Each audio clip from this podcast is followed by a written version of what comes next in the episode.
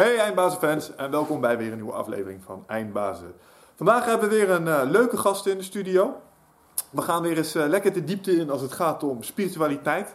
Eh, en vandaag hebben we een, een voorganger uit de Pinkstergemeente, Christian Tan. En Christian heeft een inspirerend verhaal over hoe hij een roeping voelde om het werk van God te gaan doen. Alles wat hij had in Nederland achter heeft gelaten om zijn hart en zijn passie te volgen naar Aruba. Eh, en daar heeft hij inmiddels een eh, succesvolle kerk eh, geopend met eh, behoorlijk wat volgers en aanhangers.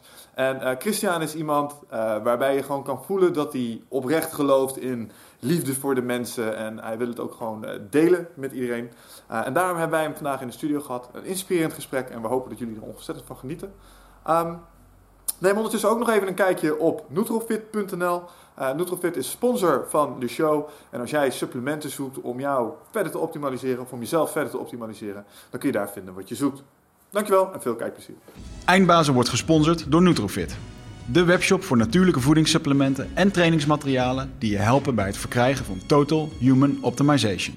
Nutrofit is hofleverancier van merken zoals Onnit, Natural Stacks en Bulletproof Coffee. Probeer onze producten zonder risico door onze money back guarantee. Bezoek ons op www.nutrofit.nl. Bestel je voor 9 uur 's avonds, dan zorgen wij dat jouw bestelling de volgende dag geleverd wordt.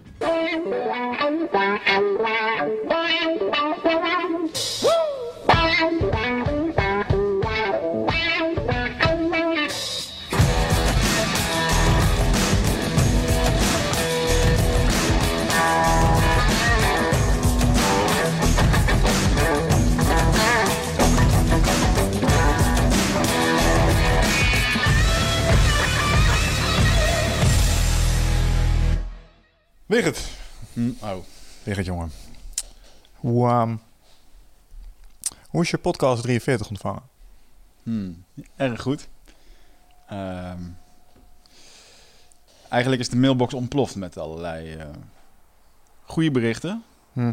Eh, wat ik niet had verwacht. Want natuurlijk, toen ik die podcast, toen ik het opnam, de lezing, toen ik de lezing gaf, toen was dat voor mij ook een hele nieuwe reis. Ja. Eh, ook best wel confronterend. Ook de hele week dat ik ermee bezig was geweest. Eh, de week in de voorbereiding en de tijden daarvoor. Want in één keer komen allemaal herinneringen terug. Je moest er een goed verhaal van maken. Hm. Natuurlijk op de dag zelf was het, eh, ja, dat was geweldig. Ehm, tenminste om dat te doen voor het eerst. En het Mm. smaakte me er meer. En voor mij is het dan de perfectionist die zegt van ja, maar dit kan nog wel veel beter. Dit was de eerste keer dat ik dat verhaal deed. En ja, goed, nu is het dan live. En ehm, ja, ik kijk nu naar iTunes en hij staat op één. Dus dat is sowieso helemaal top. Dat ik een keer met mezelf op iTunes mag staan. Ja. Eh, en alle reacties die zijn wel eh, heel erg mooi. Plus dat ik een mailbox heb die echt overvol is met allerlei... eh, Ja, uit, echt uit alle hoeken waar ik het niet van had verwacht. En dat is voor mij heel veel waard. ja, dat is mooi. Ja, de reden dat ik het vraag is het volgende. Omdat me, me toch niet... het kan ons niet ontgaan dat als we kijken naar de podcasts die we uitbrengen... en naar de thema's die we zo af en toe raken... dat als het over dingen gaat als spiritualiteit en zelfontwikkeling en ego en dat soort zaken... dat het... En psychedelische middelen, laten we dat ook voorop stellen. Ehm, maar dat het toch wel vaak eh, goed naar geluisterd wordt. En mensen dat heel erg interessant vinden, omdat dat, nou ja, ehm, bij ze resoneert. En nou, we spreken nu ook in toenemende mate met gasten die ehm, nou, in dat vlak eh, nou, uitzonderlijke dingen hebben gedaan of zich heel ver hebben ontwikkeld. En vandaag hebben we in de studio iemand zitten die eh, belangrijk is geweest voor mijn spirituele ontwikkeling. Ehm, en het is iemand die, ehm, zoals zoveel gasten bij ons in de studio, ook een fantastisch voorbeeld is van iemand die zijn hart is gaan volgen. Nadat hij echt 100% overtuigd was van hetgeen wat hij moest doen, dat dat het juiste was. Ook al leken de kansen klein dat het zou slagen. En het toch gedaan heeft en vervolgens op een plek is gekomen waarvan hij misschien niet had verwacht dat het zo mooi zou kunnen worden. En wij noemen dat dan de law of attraction. En hij zal dat ongetwijfeld de invloed van de Heer noemen. Ehm, maar desondanks is het een inspirerend verhaal. En vandaag zit bij ons in de studio Christian Tan. En ehm, nou, Christian ehm, kan zichzelf, eh, denk ik, het best uh, zo dadelijk even voorstellen. Maar eh, ik ken hem in ieder geval als een van de meest ehm, nou ja, inspirerende sprekers en eh, aanhangers van het christelijk geloof. En hij heeft mij heel vaak aan het denken gezet als het gaat om dit soort thema's. En daarom wilde ik hem graag een keer in de studio hebben om hierover te praten met Wigert en mij. En ook om jullie misschien aan het denken te zetten. Dus Christian, welkom. Dankjewel. Want vooropgesteld, want jij introduceert het nu zo, maar wat is jouw relatie met het christendom? Um, nou ja, uh, Christian en, en, ik zijn opgegroeid in hetzelfde dorp. Ehm, ik heb altijd op een christelijke school gezeten. Uh, ik heb daar, uh, hebben in een andere podcast wel eens over gesproken. Um, ik ben dus katholiek geschoold, dus ik, maar ik ben nooit gedoopt geweest. Mm. Dus ik heb de doctrine zeg maar wel tussen de oren gezet gekregen, maar ik mocht niet participeren in de rituelen. Um, en dan kreeg ik op jonge leeftijd al wel wat moeilijke dingen voor me kiezen. Zeg maar van, ja, je bent geen christen, dus jij gaat niet naar de hemel. Dus het zijn altijd wel thema's geweest waar we het over hadden. Maar Christian, die woonde letterlijk twee straten bij mij vandaan. En uh, die was ook altijd al best wel jong met dat soort thema's bezig. En we hebben het altijd wel heel veel over gehad, over dat soort dingen. En ik heb op enig moment in mijn leven zelfs getwijfeld, moet ik iets met het christendom, ja of nee? Ik was heel jong. Achteraf heb ik daar toch nog wel, nou ja, heb ik daar niet voor gekozen om rationele redenen. Maar desondanks wel heel veel met Christian in die tijd gesproken. En ook wel gedragsaanpassingen gedaan, zeg maar, ten goede. Omwille van de dingen die jij mij vertelde. Dus ondanks dat ik dan misschien niet het christendom ben gaan aanhangen, heb ik sommige dingen wel overgenomen van je. Dus dat is mijn relatie tot het christendom. En uh, nou ja, zoals ik al zei, Christian die is uiteindelijk zelfs voorganger daarin geworden. En heeft nu een uh, kerk. Nou ja, dat mag ik je zelf wel vertellen. Dus vertel, Christian Tan. Ja, dan kom je inderdaad bij, uh, bij Michel uit de straat. Volgens mij niet twee, maar één straat verderop. Ja. En, Uh, ja, we opgevoed met, ook met de christendom. Mijn, mijn, mijn moeder is echt Deventerse, maar mijn vader is een Indo, dus ik ben, ik ben dat ook dan. En van mijn vaders kant dan dat geloof meegekregen. Mijn overgrootmoeder is in, in Nederlands-Indië toen nog, is ze echt bewust christen geworden. En ehm, mijn oma die vertelt, die leeft nog steeds, die is 89. En die heeft een, uh, een, man die van zijn geboorte blind was, een oude man, mm. een moslim. In Jakarta op straat heeft ze die tijdens een grote, grote christelijke dienst. Heeft ze die genezen zien worden. Compleet zijn ogen open gegaan. En uh, dat, heeft, dat, heeft, dat stond ze direct achter dat het gebeurde. En als ze er nu over vertelt, dan, dan springen nog steeds de tranen in de ogen ervan. Mm. Um, nou, zo is het geloof een beetje mijn familie binnengekomen. Um, dus ik ben daar wel mee opgevoed. Maar um, ja, ik, ik, ik heb het nooit niet geloofd. Het is nooit dat ik het actief uh, heb afgezworen, maar ik heb het wel in mijn tienertijd met een korreltje zout genomen allemaal. Uh, met name ook omdat ik veel, uh, veel vragen had, ja, rationele vragen. Mm. Van, joh, hoe zit het met, met al die andere dingen die ik hoor en al die andere geloven? En hoe zit het met schepping in zeven dagen en hemel en hel? En dan heb je al die, die karikatuurbeelden natuurlijk in je hoofd. Uh, van duiveltjes die je prikken en zo. Van ja, kan dat allemaal wel zo waar zijn? Dus ik heb daar veel twijfels over gehad. En ja, is uh, jonge, jongeling, zeg maar. Ook wel een beetje, gewoon, gewoon een normaal leven met voetbal en uitgaan. En een beetje stoer willen doen voor je, voor je vrienden. Um, geleefd tot ik op mijn achttiende dacht ik, ik wil eventjes wat langer zijn in het land van mijn vader. Een beetje gaat een beetje op zoek naar, je, naar je identiteit, naar je roots. Dus ik was één keer kort in Indonesië geweest. Um, en ik dacht van, ik wil, ik wil daar wat langer zijn. Ik kwam, familie kwam langs. En dan kwam de kans om met ze mee terug te gaan. Dus ik ben daar drie maanden geweest. Ik was 18, was 1996. Dus dan weet een beetje hoe oud ik ben. Um, maar toen, toen heb ik daar eigenlijk uit pure verveling... overdag deden we van alles, maar, maar s'avonds ja, ging de familie vroeg naar bed... en godzijdank, letterlijk, uh, was er geen internet. Dus heb ik, uh, had alleen het Amerikaanse leger nog, volgens mij, in die tijd. Mm -hmm. ben, ik, ben ik boeken gaan lezen over, ja, die daar rondslingerden, over geloof. wat ik normaal nooit zou doen, want dat vond ik ja, voor overdreven gelovigen, mm. overdreven fanatieke mensen. Kun je iets meer de microfoon knuffelen? Ja. ja.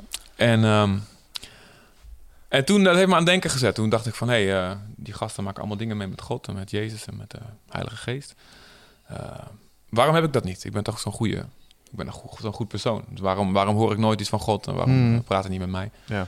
En uh, toen heb ik daar een paar weken mee rondgelopen en op de avond gezegd van nou wil ik het gewoon weten.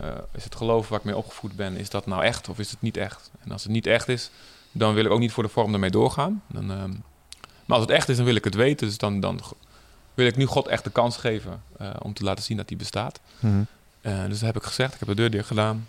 En uh, gewoon geen kaarsen of muziekjes, gewoon DL-buis, matje op de grond, ventilator, dat, dat was alles. Ik heb gezegd, God, ja, als u echt bestaat en als het allemaal waar is wat ik, wat ik lees en, en als, als, als, ja, als u ook met mij wil praten of als zo'n leven als wat ik hier stukjes van lees of in de Bijbel lees. Mm. Als het ook voor mij is, dan la, laat maar iets zien. Doe maar iets. En ehm, ik dacht, ik had een soort verwachting van, nou, misschien komt over een paar jaar een soort inzicht uh, tot me van, uh, een soort sleutel eh, tot alle wijsheid eh, die ik dan... eh, Langzaam. Die ik dan die langzaam in me groeit. Zo'n verwachting had ik een beetje. Ehm, en ik had ook, ook wel eens gehoord van mensen die gingen, gingen dan een hele avond door bidden tot ze een antwoord kregen. Mijn moeder is ook als, als eh, atheïst eigenlijk tot geloof gekomen. Is, eh, is ze christen geworden. En die vertelde dan, vertelde dan wel eens zulke verhalen. dacht ik, nou, ik ga voor eens in mijn leven ga ik ook dit een kans geven. Ga ik het ook op die manier doen. Maar ik was gewoon na, na, na een paar minuten, ik weet niet eens, was ik gewoon klaar. Ik had niks meer te zeggen. Dus eh, ja, en heel onbewust, zonder dat ik iets aan het... eh, zonder dat ik erbij nadacht, was ik mijn teennagels aan het schoonpeuteren. Dus echt heel erg on, on, on- onspiritueel eh, bezig, Mhm, zeg maar. Ja. Niet bewust, maar gewoon... En, en ik was echt ergens anders mee bezig. En keer kijk ik naar de deur en ik voel alsof er iets binnenkomt... op zo'n manier dat ik nooit eerder gevoeld heb.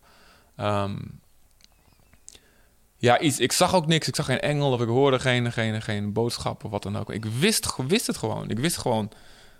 Dit is God en God is echt en God komt binnen. Het is heel moeilijk te beschrijven, zeg maar. maar ik was heel, heel sceptisch persoon. Ik maakte ook als ik, ik ging wel naar de kerk, maar dan maakte ik mensen belachelijk die dan heel overdreven stonden te doen. Dus ik was echt, ik hield hier echt niet van dit soort zweverige dingen. Ehm, en ik kijk, dus ik kijk naar de deur en ik wist gewoon, God komt binnen. Ehm, en, en ik, en ik eh, was alsof ik 100% licht en zuiverheid eh, ontmoette, zeg maar. Maar alsof het zo door me heen drong, dat het ook meteen mijn eigen eh, rottigheid naar boven kwam. Ik dacht daarvoor van, nou, ik ken, ik ken het verhaal van, van, ehm, van de Bijbel. Hè? Dus het centrale verhaal is Jezus die sterft voor onze zonde. Ik dacht, nou ja, ik dacht oprecht, hè? Niet, niet iets sarcastisch. zo. Ik dacht oprecht, dat is heel fijn voor zondige mensen. Dat Jezus gekomen is voor hun. Want die hebben dat nodig. Die hebben vergeving nodig. Dat snap ik wel. Maar ik dacht altijd erbij, dat heb ik niet nodig. Dat is, nou, dat is voor, voor, de, voor, de, voor de verslaafden, voor de criminelen, voor de, mensen die echt een zootje van gemaakt. Maar ik was gewoon goed bezig. Hè? Zes ateneum, eh, makkelijk gehaald. En eh, Lief eh, stond bekend toen ook als eh, de lieve jongen van Olst, zeg maar. Mhm. ja. En, dus ik dacht, ja, ik heb dat niet nodig. Ja, ik kom zelf wel in de hemel. En nou, wat op die, dat moment gebeurde, is dat als, als het ware mijn hele hart binnenste buiten werd gekeerd. En, en al mijn motieven. En ik was echt niet zo'n diepzinnig iemand dat ik het zelf al door had of zo. Dus ehm, ik weet, het moet gewoon van buitenaf gekomen zijn. Dat mijn, mijn, mijn, vooral mijn totale zelfzuchtige, zelfzuchtige motieven bij alles. plus mijn, mijn eh, ja, met een oud woord, hoogmoed, zeg maar. Mijn, mijn- mezelf boven anderen plaatsen. En ik dacht dat ik echt oprecht dacht dat ik beter was dan anderen. Dat werd echt eh, ja, in mijn gezicht gedrukt. Van moet je kijken, hoe, dit is wie je echt bent, zeg maar. Nou, dat is... ehm, om het even kort samen te vatten. Wat er die, die avond gebeurde was gewoon... eh, ja, ik, ik, ik was als een, als, een, als een ziek persoon die zijn hele leven lang in, een in een medicijnwinkel, of heet dat, een apotheek, Ja. woonde, zeg maar. Maar die altijd dacht van, ja, leuk dat medicijn, maar geef maar aan die.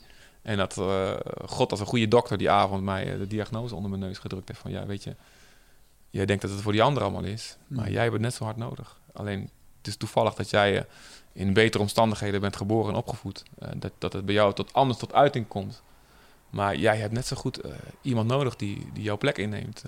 Hmm. die, die voor jou de prijs betaalt, zeg maar. Mhm. En nou, dat heeft mijn hele leven op de kop gezet. En dat heeft me eh, ja, gewoon dankbaar gemaakt. Dankbaar voor, voor man, als, als, als God al die tijd al al die deze dingen van mij wist. En, eh, want ik voelde echt, wat ik voelde, ik voelde echt angst. En dat had ik nooit gedacht bij God. Ik dacht, God is Hmm. zo Sinterklaas. Altijd, eh, ja, de, de moderne dan, hè. Van die Ja, zak ja. naar Spanje, dat is van vroeger. En eh, zo dacht ik ook over de hel en zo. En de boosheid van God, dat is van vroeger. Hmm. Maar je krijgt tegenwoordig toch altijd cadeautjes, ja toch? Hoop ik wel. Mhm. Maar ehm, ja, ik voelde echt op dat moment, toen, hij binnenkwam, ik wou echt onder de vloer kruipen en, en, en, en me echt verstoppen. Voor, eh, ik dacht, waar moet ik heen? Dit is verschrikkelijk. Ik voel alsof ik in brand stond, letterlijk. Hmm. Nee, zo, zo letterlijk als figuurlijk kan zijn, zeg maar. En eh, ja, dus dat... Nou, ik kan hier nog veel over vertellen, maar even als... als eh, en dat heeft, me, dat heeft me op het pad gebracht dat ik het be- gewoon ben gaan vertellen. Want ik dacht van, ja, dit is gebeurd, dit is echt. Ik weet dat het echt is. Dus Mhm. Hmm. ja, ik zou, ik zou een idioot zijn als ik het niet... eh Ik, heb als ik heel, dit voor me hou. ja. Ik heb heel veel, ik heb heel veel vragen. Ik wil echt veel wal steken, zeg maar. Ja. Er, komt heel veel, er gaat heel veel in me op, weet je wel. Want Kijk, ik, ja, om het vooropstellen, ik ben niet eh, in een gelovige familie opgegroeid. Ik ben niet gedoopt. Helemaal niks. Als ik vroeger naar de, naar de mis moest met, eh, met kerstmis vanuit school of zo, dan vond ik dat niks. Ik had daar geen resonantie mee. Of... Ehm, als ik nou kijk naar zo'n situatie van jou waarin je dit meemaakt. Dat is een mooi inzicht. Super dat je dat hebt gevonden. Ehm, en ik denk dat op het moment, eh, als je ermee bezig gaat, wat jij bent gaan doen, op een gegeven moment ben je dan die rust tot jezelf gaan nemen. En ik denk dat op het moment als je de stilte opzoekt in jezelf, daarom denk ik dat ik ben dan, ik bid dan eigenlijk niet, maar ik denk voor mensen die inderdaad eh, bidden of mensen die gaan biechten, ik vind dat ook een hele mooie eh, manier van verwerken. Dat werkt Mhm. therapeutisch. Ik ben, ervan, ik ben ervan overtuigd dat dat je lichter maakt. Eh, dus op het moment dat je dingen opbiecht en dingen kwijt kan, een stukje eerlijkheid naar jezelf, maar ook naar de buitenwereld. En ik denk dat op het moment dat je zo erg in stilte komt, dat je dan de conversatie met jezelf aan kan gaan. En mijn mening is heel erg dat, ehm, dat God van binnen zit. Is niet iets wat van buitenaf komt. Tuurlijk, er is een algemeen collectief bewustzijn wat daar boven ergens hangt. Ik denk dat onze ziel individueel is. En eh, dat zit in jouw lichaam en dat is jouw God van binnen. En om die God wakker te maken, eh, ja, daar zul je eh, actie voor moeten ondernemen, denk ik.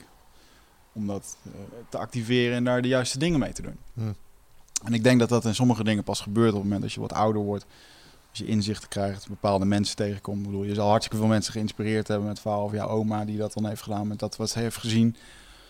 En eigenlijk is het niet meer in mijn opzicht dan een. eh, ehm, ik la- las laatst een mooi boek die beschrijft dit dan als een wonder, hè, dat je zo'n inzicht krijgt. Maar ze beschrijft ook dat een wonder is eigenlijk niks anders dan een shift van perceptie. Het is een soort spirituele psychotherapie. Waarbij je in één keer dat andere inzicht krijgt. En of dat nou een shamaan is die jou in één keer eh, door middel van een ayahuasca een ander visioen geeft. Of een ander inzicht dat je in één keer eromheen kan kijken. Of dat je iets wonderbaarlijks zelf voelt of ziet. eh, waardoor je een beter mens wordt. Ik denk dat dat toch wel de kern is waar we dan toch met z'n allen omheen dwarrelen. Zeg ik dat goed? Zit daar wat in? Ik, ja, ik snap wel, ik snap heel goed wat je bedoelt. En eh, Ik probeer het wat, misschien Ja. wat minder extern te zoeken. ja, ja. Is dat gerechtvaardigd? Ehm, nou ja, de, de- ja eh, de, de- zeg maar, eh, de kern natuurlijk van, van de Bijbel is dat, dat God echt is. En, Mhm. kijk, er zijn tegenwoordig... Dat is voor mij zeg maar dat collectief wat daarboven ja, hangt. ja. En ehm, ik, eh, ik heb hier veel, veel ook over nagedacht, vooral ook in het begin. Dacht ik, joh, is het zelfsuggestie geweest? En eh, eh, is het inderdaad iets wat in mezelf al was en wat ik onbewust dan naar boven gehaald heb? Ehm, maar eh, dan zou, dat zou voor mij, voor mij zou het heel over, hoogmoedig zijn weer, op een andere manier. Want dat betekent, want ik ben daarna ontzettend veranderd. Ehm, en dat zou dan betekenen dat ik dat zelf gedaan heb. En eh, ik, ik, zeg maar, de kern van dat inzicht van die avond was dat ik het helemaal niet, niet kon. Ehm, dat ik het altijd, als ik iets goeds wil doen, dat ik het altijd vervuil met, een, met, een, eh, met weer iets wat op mezelf gericht was. Als dan, de kern van wat ik die avond zag van mezelf was van, joh, als jij iets goeds doet, uiteindelijk doe je dat om mezelf je of kort of lange termijn beter bij te voelen. Mhm, Of dat anderen je zien. mhm. Wat Jezus heel erg aanspreekt in die fariseeërs van zijn tijd. Van joh, jullie, jullie, jullie toeteren voor je uit hoe geweldig je zijn. En hoe, jullie laten zien hoeveel geld je in de offerbak gooit, weet je. Ehm, en je hebt je beloning al gekregen. Want dat is, je beloning was die eer van mensen. Eh, Ja. Doe de dingen in het verborgene, zodat je de eer van God alleen komt. Die in het verborgene ziet. Nou, ehm, kijk, het is... ehm, ik denk zelf dat God het bewust... eh, voor, voor meerdere interpretaties eh, open laat. eh, zodat het eh, een, een, een zoektocht wordt, zeg maar, waar je echt met je hele hart in, in, eh, in moet springen.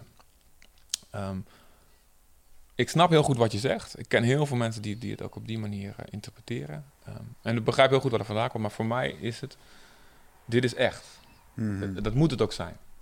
Het, het is, het is, dit is echt en dit is iets, niet iets subjectiefs, dit is iets objectiefs. Het komt wel bij iedereen op een andere manier tot uiting.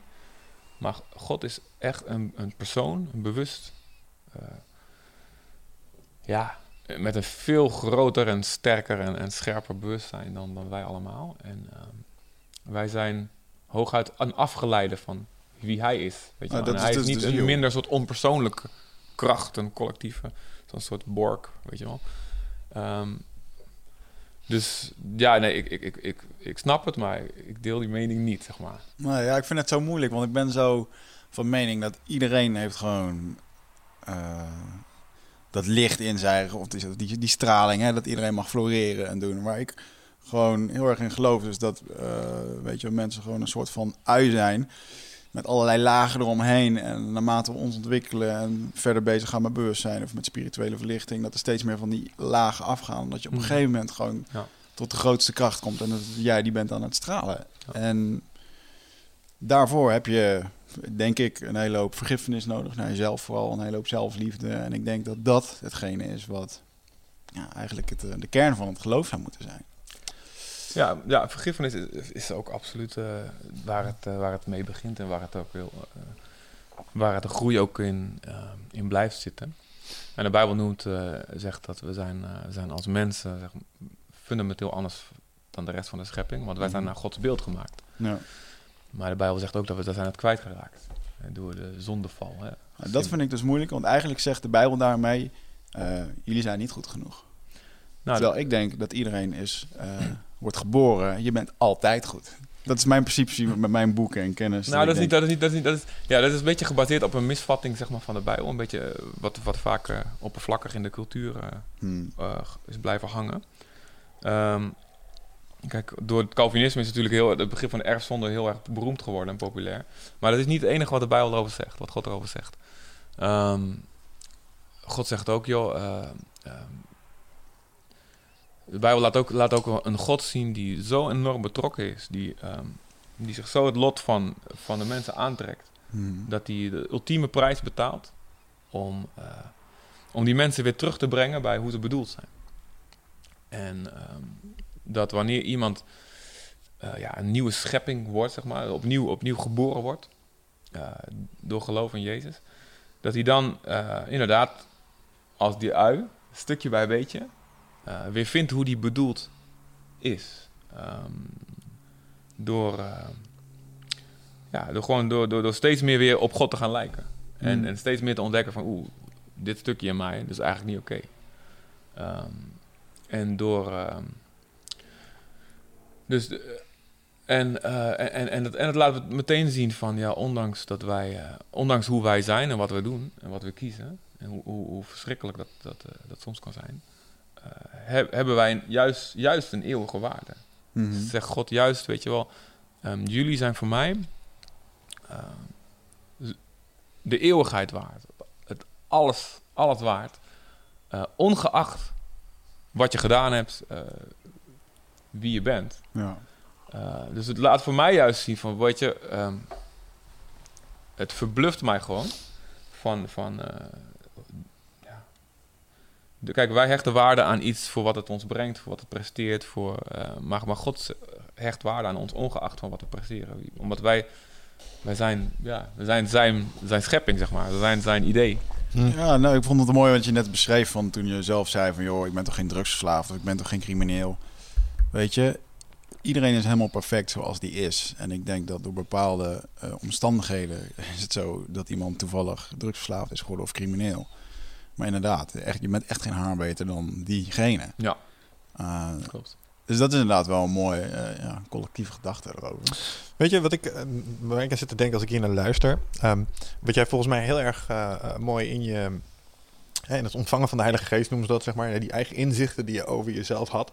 Is eh, dat je eigenlijk even onder de motorkap kon kijken van je onderbewustzijn. Dat alle handelingen die jij lijkt te doen.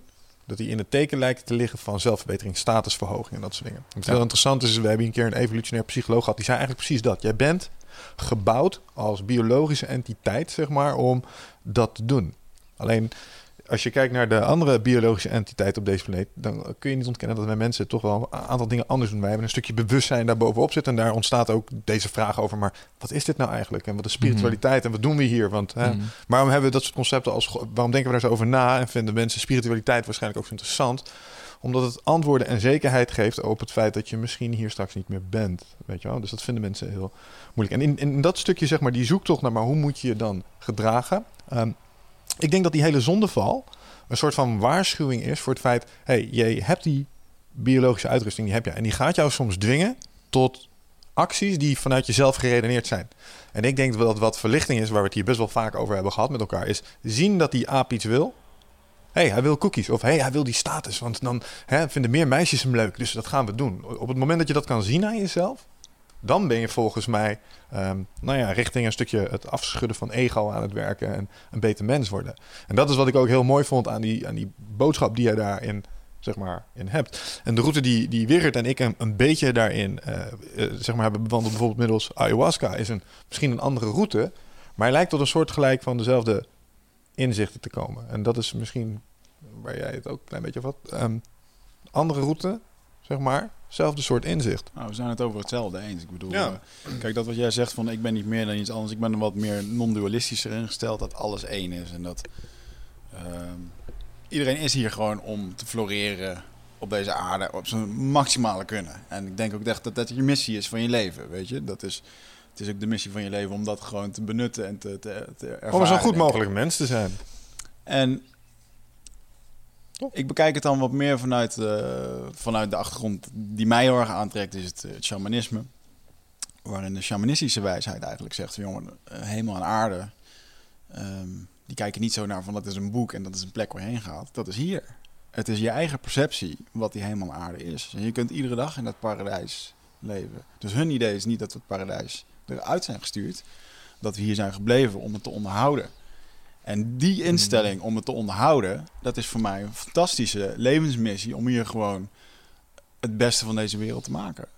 Dat ja. vind ik fantastisch. Om, om, om, uh, dat is voor mij ook veel, ja, misschien toch wat, uh, realistischer of zo. Voor mij voelt dat gewoon wat fijner. Om realistischer dan? Dan dat te zeggen dat er na dit, uh, na dit leven dat ik naar de hemel of naar de hel ga. Dat, ik ben van mening dat die hemel of hel is iets wat, uh, wat iets is door jouw eigen perceptie, door jouw eigen bril. En je kiest er zelf voor waar dat je in wil leven. Ja. Mijn mening is dat op het moment dat je komt overlijden. Um, en zoals een Ellen Watts dat heel mooi zegt je gaat ooit een keertje slapen en uh, je, bent een keertje, je bent een keer geboren, toen deed je je ogen open. Uh, en dan ben je geboren. Er gaat ook een keer een moment dat je ogen dicht doet en dan sterf je. En dat is gewoon de cyclus die continu door zou gaan. Tenzij je misschien nog ergens anders... Een reïncarnatie eigenlijk. Ja, ja, tenzij het universum nog grotere plannen heeft. En even buiten... Nou, dat is even een andere discussie. Uh, maar ik vind dat wel een hele... Ja, dat is de gedachte waar ik de laatste tijd erg op ga. Ja, maar weet je, wat ik altijd zo interessant aan vind... is dat um, dat elimineert de optie van een god niet. Nee, dat, maar die is er ook. Maar dat is dan voor mij meer dat... Ik geef er niet per se een naam aan. Ik noem het gewoon ja. energie of dit alles. Of... Ja, je hebt een aantal concepten in het christendom waar, waar ik mee was. Ergens... Um, kijk, toen, toen wij jong waren en wij spraken over dit soort dingen... dan haakte ik af op het concept. Ja, en het voelde als God, alsof God binnenkwam. En dat ik echt gewoon... Dat ik de vuiligheid in mij, zeg maar... Dat ik die naar boven voelde komen. En ik dacht, ach Chris, waar heb je het over, jongen? Dit is gewoon fucking zinsbegoocheling, ja, weet je. Dit is een je hebt een psychose gehad. um, totdat ik dus zelf ook eigenlijk een soort gelijke ervaring heb Ik, ik heb dat, hè, want ik, voor de podcast hadden we het heel erg, uh, hadden we het er eventjes over. Met ayahuasca heb ik een soort gelijke ervaring gehad waarbij ik echt voor iets stond wat zoveel groter en glorieuzer en reiner was als ik. Dat ik echt zoiets had van, Jezus Christus, wat... Weet je wat? Ja, niet letterlijk goed, op dat moment, maar ja. nee, maar dat ik echt zoiets had van, holy fucking... Weet je, dit is echt zo fenomenaal veel groter. En ik ben klein en god, wat zit ik toch primitief in elkaar. En uh, wauw, snap je? Mm. En in dat moment, wat ik ook zei, kwam, kwam jij ook even voorbij gedwarreld in die maalstroom van beelden en visioenen van... Oké, okay, ik snap Christian nu zoveel beter toen hij dat omschreef. Snap je? Dus dat inzicht en, en die wijziging en die behoefte om er toen um, vervolgens iets mee te doen. Wat ik alleen uh, ook zie, is dat in het christendom. Um, je zit met het stukje hemel en hel, inderdaad. Hè? Want mm. voor mij is nu als uh, vroeger als voor ayahuasca best nog wel atheïstisch. Nu sterk agnostisch. Dus het feit dat er iets is dat, dat zeker intelligentie heeft, zeg maar, en waarschijnlijk hier iets mee gedaan heeft, en waar wij het altijd over hadden, was dat vind ik dat zo moeilijk. Hoe noem je dat? Zeg maar? Agnostisch? Agnostisch, ja. Dus als je het even niet meer weet. Oké. Okay. Eigenlijk, uh, je hebt atheïsten, je hebt mensen die het geloven, je hebt mensen die het missen. I don't know. Hmm. En uh, ik ben duidelijk opgeschoven richting het agnostische. En wat ben ik dan als ik zeg van... Uh, Ik weet het gewoon niet. Agnostisch. Ja, agnostisch. Dan ben je ja, oké, agnostisch. maar, eh, ja, maar dat is... Ja, ja. Ja, oké. Ja, maar jij valt tegenwoordig in de categorie boomknuffelaar. Dus, eh. Just kidding, bro. nee, eh, maar ehm, zeg maar, waar wij het altijd over hadden, was ehm, het feit dat als je... En dat puzzelt me nog steeds. En dat is waar ik altijd tegen de, zeg maar, de grens aan loop van... maar wat zit er nou achter? Is als je gaat kijken naar het universum... en je gaat kijken naar natuurkunde, wiskunde... en alles wat daarachter zit... en je kijkt hoe mooi dat allemaal in elkaar zit... en hoe kunstig alles op elkaar afgestemd is... en het schijnt zo te zijn... het zijn een paar details die ik nu waarsch- waarschijnlijk vernachel... maar het schijnt dat als helium maar met 0,03% anders converteerde naar een ander element of zo... dan was dit hele kaartenhuis had niet Ja, kunnen precies. bestaan. Ja, er zijn heel Zeg maar, en dat je denkt van, soort, ja, maar wie heeft al die variabelen? Kijk, ik ben een ICT-gast, dus ik denk in termen van programmeertalen. eh, mhm. Dit zit allemaal zo kunstig in elkaar dat het bijna ontwikkeld lijkt te zijn door iets Tuurlijk. dat zoveel. In, nou, en dan heb ik altijd zoiets, maar wat is God dan? Weet je, wel? dat is toch de gast die het in elkaar gedraaid heeft, Ja. toch? Ja. ja. En daarvan denk ik nu wel die konden nog wel eens zijn. Ja. Alleen of hij echt die spelregeltjes heeft opgelegd, waardoor je straks naar een, een, een goed plekje gaat en straks naar een slecht plekje gaat. Ik denk dat we hem daarmee tekort doen. Ik denk dat het nog veel complexer is dan dat namelijk. Nou, ik denk wel van, ah, kijk, als we tot de conclusie komen dat die er moet zijn, en, en dat duurt nog, soms nog wel even tot je er bent, getuige van maar hij, hij is Maar- toch in beide overtuigingen. dan is, dan, is, dan, is het Ja. toch, dan is het toch het, gewoon het meest knetterbelangrijke in, in dit bestaan om uit te vogelen ehm, wat hij dan wil, wie die is, hoe dat werkt. Nou, Ja. ehm, Ik denk dat dat ook waar is. ja, Ja. En Maar dan is het ook, dan is het ook, ehm, ehm, ja, ook, ook eh, zeg maar, ehm, we kunnen de luxe niet veroorloven om het dan maar een beetje in het ongewisse eh, genoegen te nemen dat we, dat we het een beetje half weten. Dat, dat, dat, Ja. dat is mijn, dan, mijn gedachte. Ja, ik maar ik ben iemand die, dat, die het gewoon heel vroeg heeft gevonden. Ik denk dat het ook een ego-ding is. Dat het voor mensen heel erg makkelijk is om het ergens te plaatsen van... Ah, het zit daar, het is niet helemaal duidelijk, maar het is goed, ik heb er geen last van, weet je. Dus dat is een beetje die perceptie. Maar op het moment dat je er dieper op ingaat... Ja. En waar ik eigenlijk een beetje naar terugkijk, is als ik dan al die spirituele boeken induik en ook naar de Bijbel kijk, dan is dat... ehm, dat uiteindelijk ook op fysiek niveau, kwantumfysica niveau, het enige wat er over zou blijven is liefde. Weet je, dat is zo moeilijk om dat te begrijpen. Als je ook ayahuasca doet of je hebt die godservaring eh, gehad, dan voel je dat en dan weet je dat dat, dat het is. Dat is alle- ja, ik denk dat het alleen maar te beschrijven is voor mensen die zo'n inzicht hebben gehad. En die zullen mensen ook hebben gehad. eh, Boeddha kreeg hem toen hij onder een boom zat. Ehm, maar je kan het ook via een, eh, een ayahuasca krijgen, of misschien zoals jij dat hebt.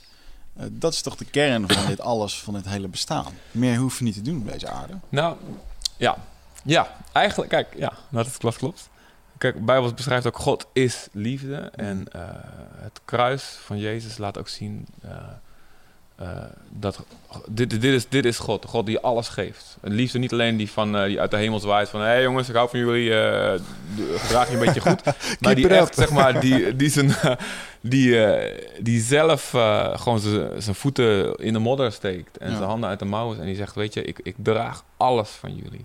En ik laat, me, ik, laat, ik, ik laat me door jullie kapot maken. En op die manier, ehm, omdat ik weet dat is de enige manier dat ik jullie, die nou die spijkers door mij heen rammen, terug kan brengen ehm, bij, bij waar je moet zijn. Dus liefde is inderdaad alles. En, en Jezus zegt ook, joh, de wet, de hele wet vat je samen is heb God lief met, met alles in je. En heb je naast lief als jezelf. Maar heel veel mensen hebben een heel wollig concept van liefde. Van nou, het is gewoon een warm gevoel bij iemand krijgen. Maar de Bijbel beschrijft liefde heel radicaal. Je hebt pas echt lief als je bereid bent je leven helemaal te geven voor iemand anders. Echt te geven. En dat is, dat is iets waarvan ik denk, eh, dat, kunnen, dat vinden we allemaal een heel nobel concept. Maar dat kunnen we echt niet zomaar eventjes ook echt doen. Nee. En dat die- betekent dat we dus allemaal tekortschieten bij die liefde, weet je? En ehm, ja, de Bijbel is, is een gewel, heeft geweldige, uh, ja, supermooie principes, leiderschapsprincipes, eh, ehm, universeel toepasbare, eh, morele dingen. Maar het meest verontrustende van de Bijbel, ehm, en jullie noemden net al hemel en hel, het meest verontrustende is wel dat, eh, dat Jezus, zeg maar, die de incarnatie van liefde is, Mhm. zegt, joh, er, is maar één weg naar God en dat ben ik. En dat, ehm, ik weet dat, kijk, eh, ik kan met heel veel mensen praten en ik heb voor, voor een hele klasse gestaan en die vinden mijn, mijn persoonlijke verhaal geweldig. Die vinden als je praat, spreekt over liefde en over je, eh, jezelf leren kennen Mhm. en groeien, geweldig. Maar op het moment dat, ik, eh, dat je dit... eh, dit is echt het politiek incorrecte ding om op dit moment te zeggen. Er is maar één weg. En dat is Jezus. Ik snap dat dat super aanstootgevend is eh, nu. Ehm, maar dat is wel wat en de Bijbel leert... en waar ik ook echt persoonlijk ehm, van overtuigd ben... en steeds meer ben geraakt. Wat en dan- dat maakt het... Ik denk, ik gooi maar vast zelf eventjes de, de knuppel Ja. erin, zeg maar. Dat is, dat is, dat is denk ik het, eh, ja, het, het moeilijkste ding voor ons om te snappen Ja. als mensen. Wat, wat me opvalt is dat als Wigert zegt, eh, het is allemaal liefde. En jij zegt, je had dan net iets, dat, dat zei je, zeg maar. eh, kun je dat nog even herhalen? God is eh, liefde en heb jezelf lief als naast. Dat stuk? Ja, Jezus vat de, vat de, zegt, hij vat de wetten van Mozes, vat die samen tegen, tegen de Joden als hij daar loopt. In Jeruzalem zegt hij, joh, ehm, alles kun je samenvatten in twee dingen. Heb God lief met heel je hart, heel je ziel, heel je verstand en al je kracht. En heb je naaste lief zoals je van jezelf houdt.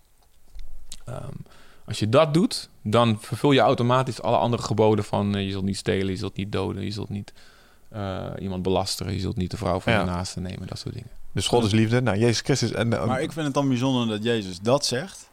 Maar vervolgens moeten wij naar één iemand, toevallig is dat dan ook Jezus, moeten wij, dan is dat de weg. En dat vind ik niet matchen. Want op het moment dat je iets wil uitstralen en je wil die leider zijn van iedereen die je volgt, dan kan je dat eigenlijk niet maken. Je maakt ze allemaal afhankelijk van. ja, tenzij je het niet letterlijk gaat nemen en dan kom je op interpretatie. Hè? Dan ga je kijken naar wat het nou eigenlijk bedoelt. Werd dat letterlijk bedoeld? Of zegt hij eigenlijk, ja, maar als God liefde is, en eh, zeg maar de zoon van God, Jezus, is ook God. Dat is een discussiepuntje, geloof ik, binnen de stromingen. Maar desondanks, mee. Mm. eh, stel hij zou God zijn, dan is de weg naar alles is liefde. Dat is eigenlijk wat hij zegt, Ja. als je hem zo interpreteert. Ja. En dat hij dan toevallig in die boeken, dat daar een set aan spelregels staan, die misschien wel of niet uit die hoek zijn gekomen.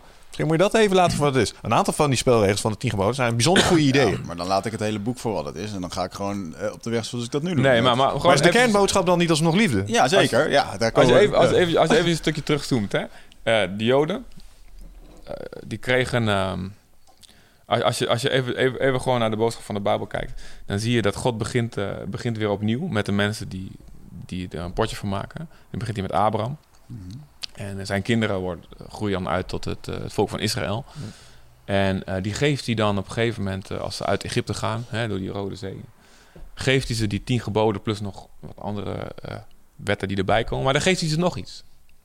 Hij geeft ze een soort eh, systeem van offers die ze kunnen brengen als ze het verknallen. Ehm, en dan gaat het ongeveer zo. Eh, als je gezondigd hebt, dus je, hebt, je, je ziet die wetten van God, die zie je Mhm. voortdurend en, je, en, je, en, en dat denken we allemaal mooi, fantastisch. Maar we, dan, dan zie je jezelf en dan zie je van, het gaat fout. Ehm, dan eh, moet je een dier nemen, moet je brengen bij een priester en de priester die pakt een mes. Nee, wacht even, andersom, stap je terug. Je moet, voordat, als het dier nog leeft, pak, leg je je hand op de kop van het beest. Dan zeg je, ik heb die belazerd. Ik heb dit gedaan. En ik heb daarmee schade berokkend. Ehm, en ik leg nu mijn zonde op dit beest. En dan draagt op dat moment dat, dat schaap of geit draagt jouw zonde. En dan werd het beest afgemaakt. Mhm. En dan, dan, dan had het de bedoeling om twee dingen met jou te doen. Als je dat ziet. Twee dingen. Je ziet van ja, mijn zonde kan niet zomaar eventjes eh, onder de pijt ge- geveegd worden. Want ik- er is echte schade. Als ik iemand, eh, als ik iemand uitscheld of als ik achter iemand terug over iemand negatief eh, de, eh, de grond in praat, dan heeft, dat, dan heeft dat een reële schade voor iemand.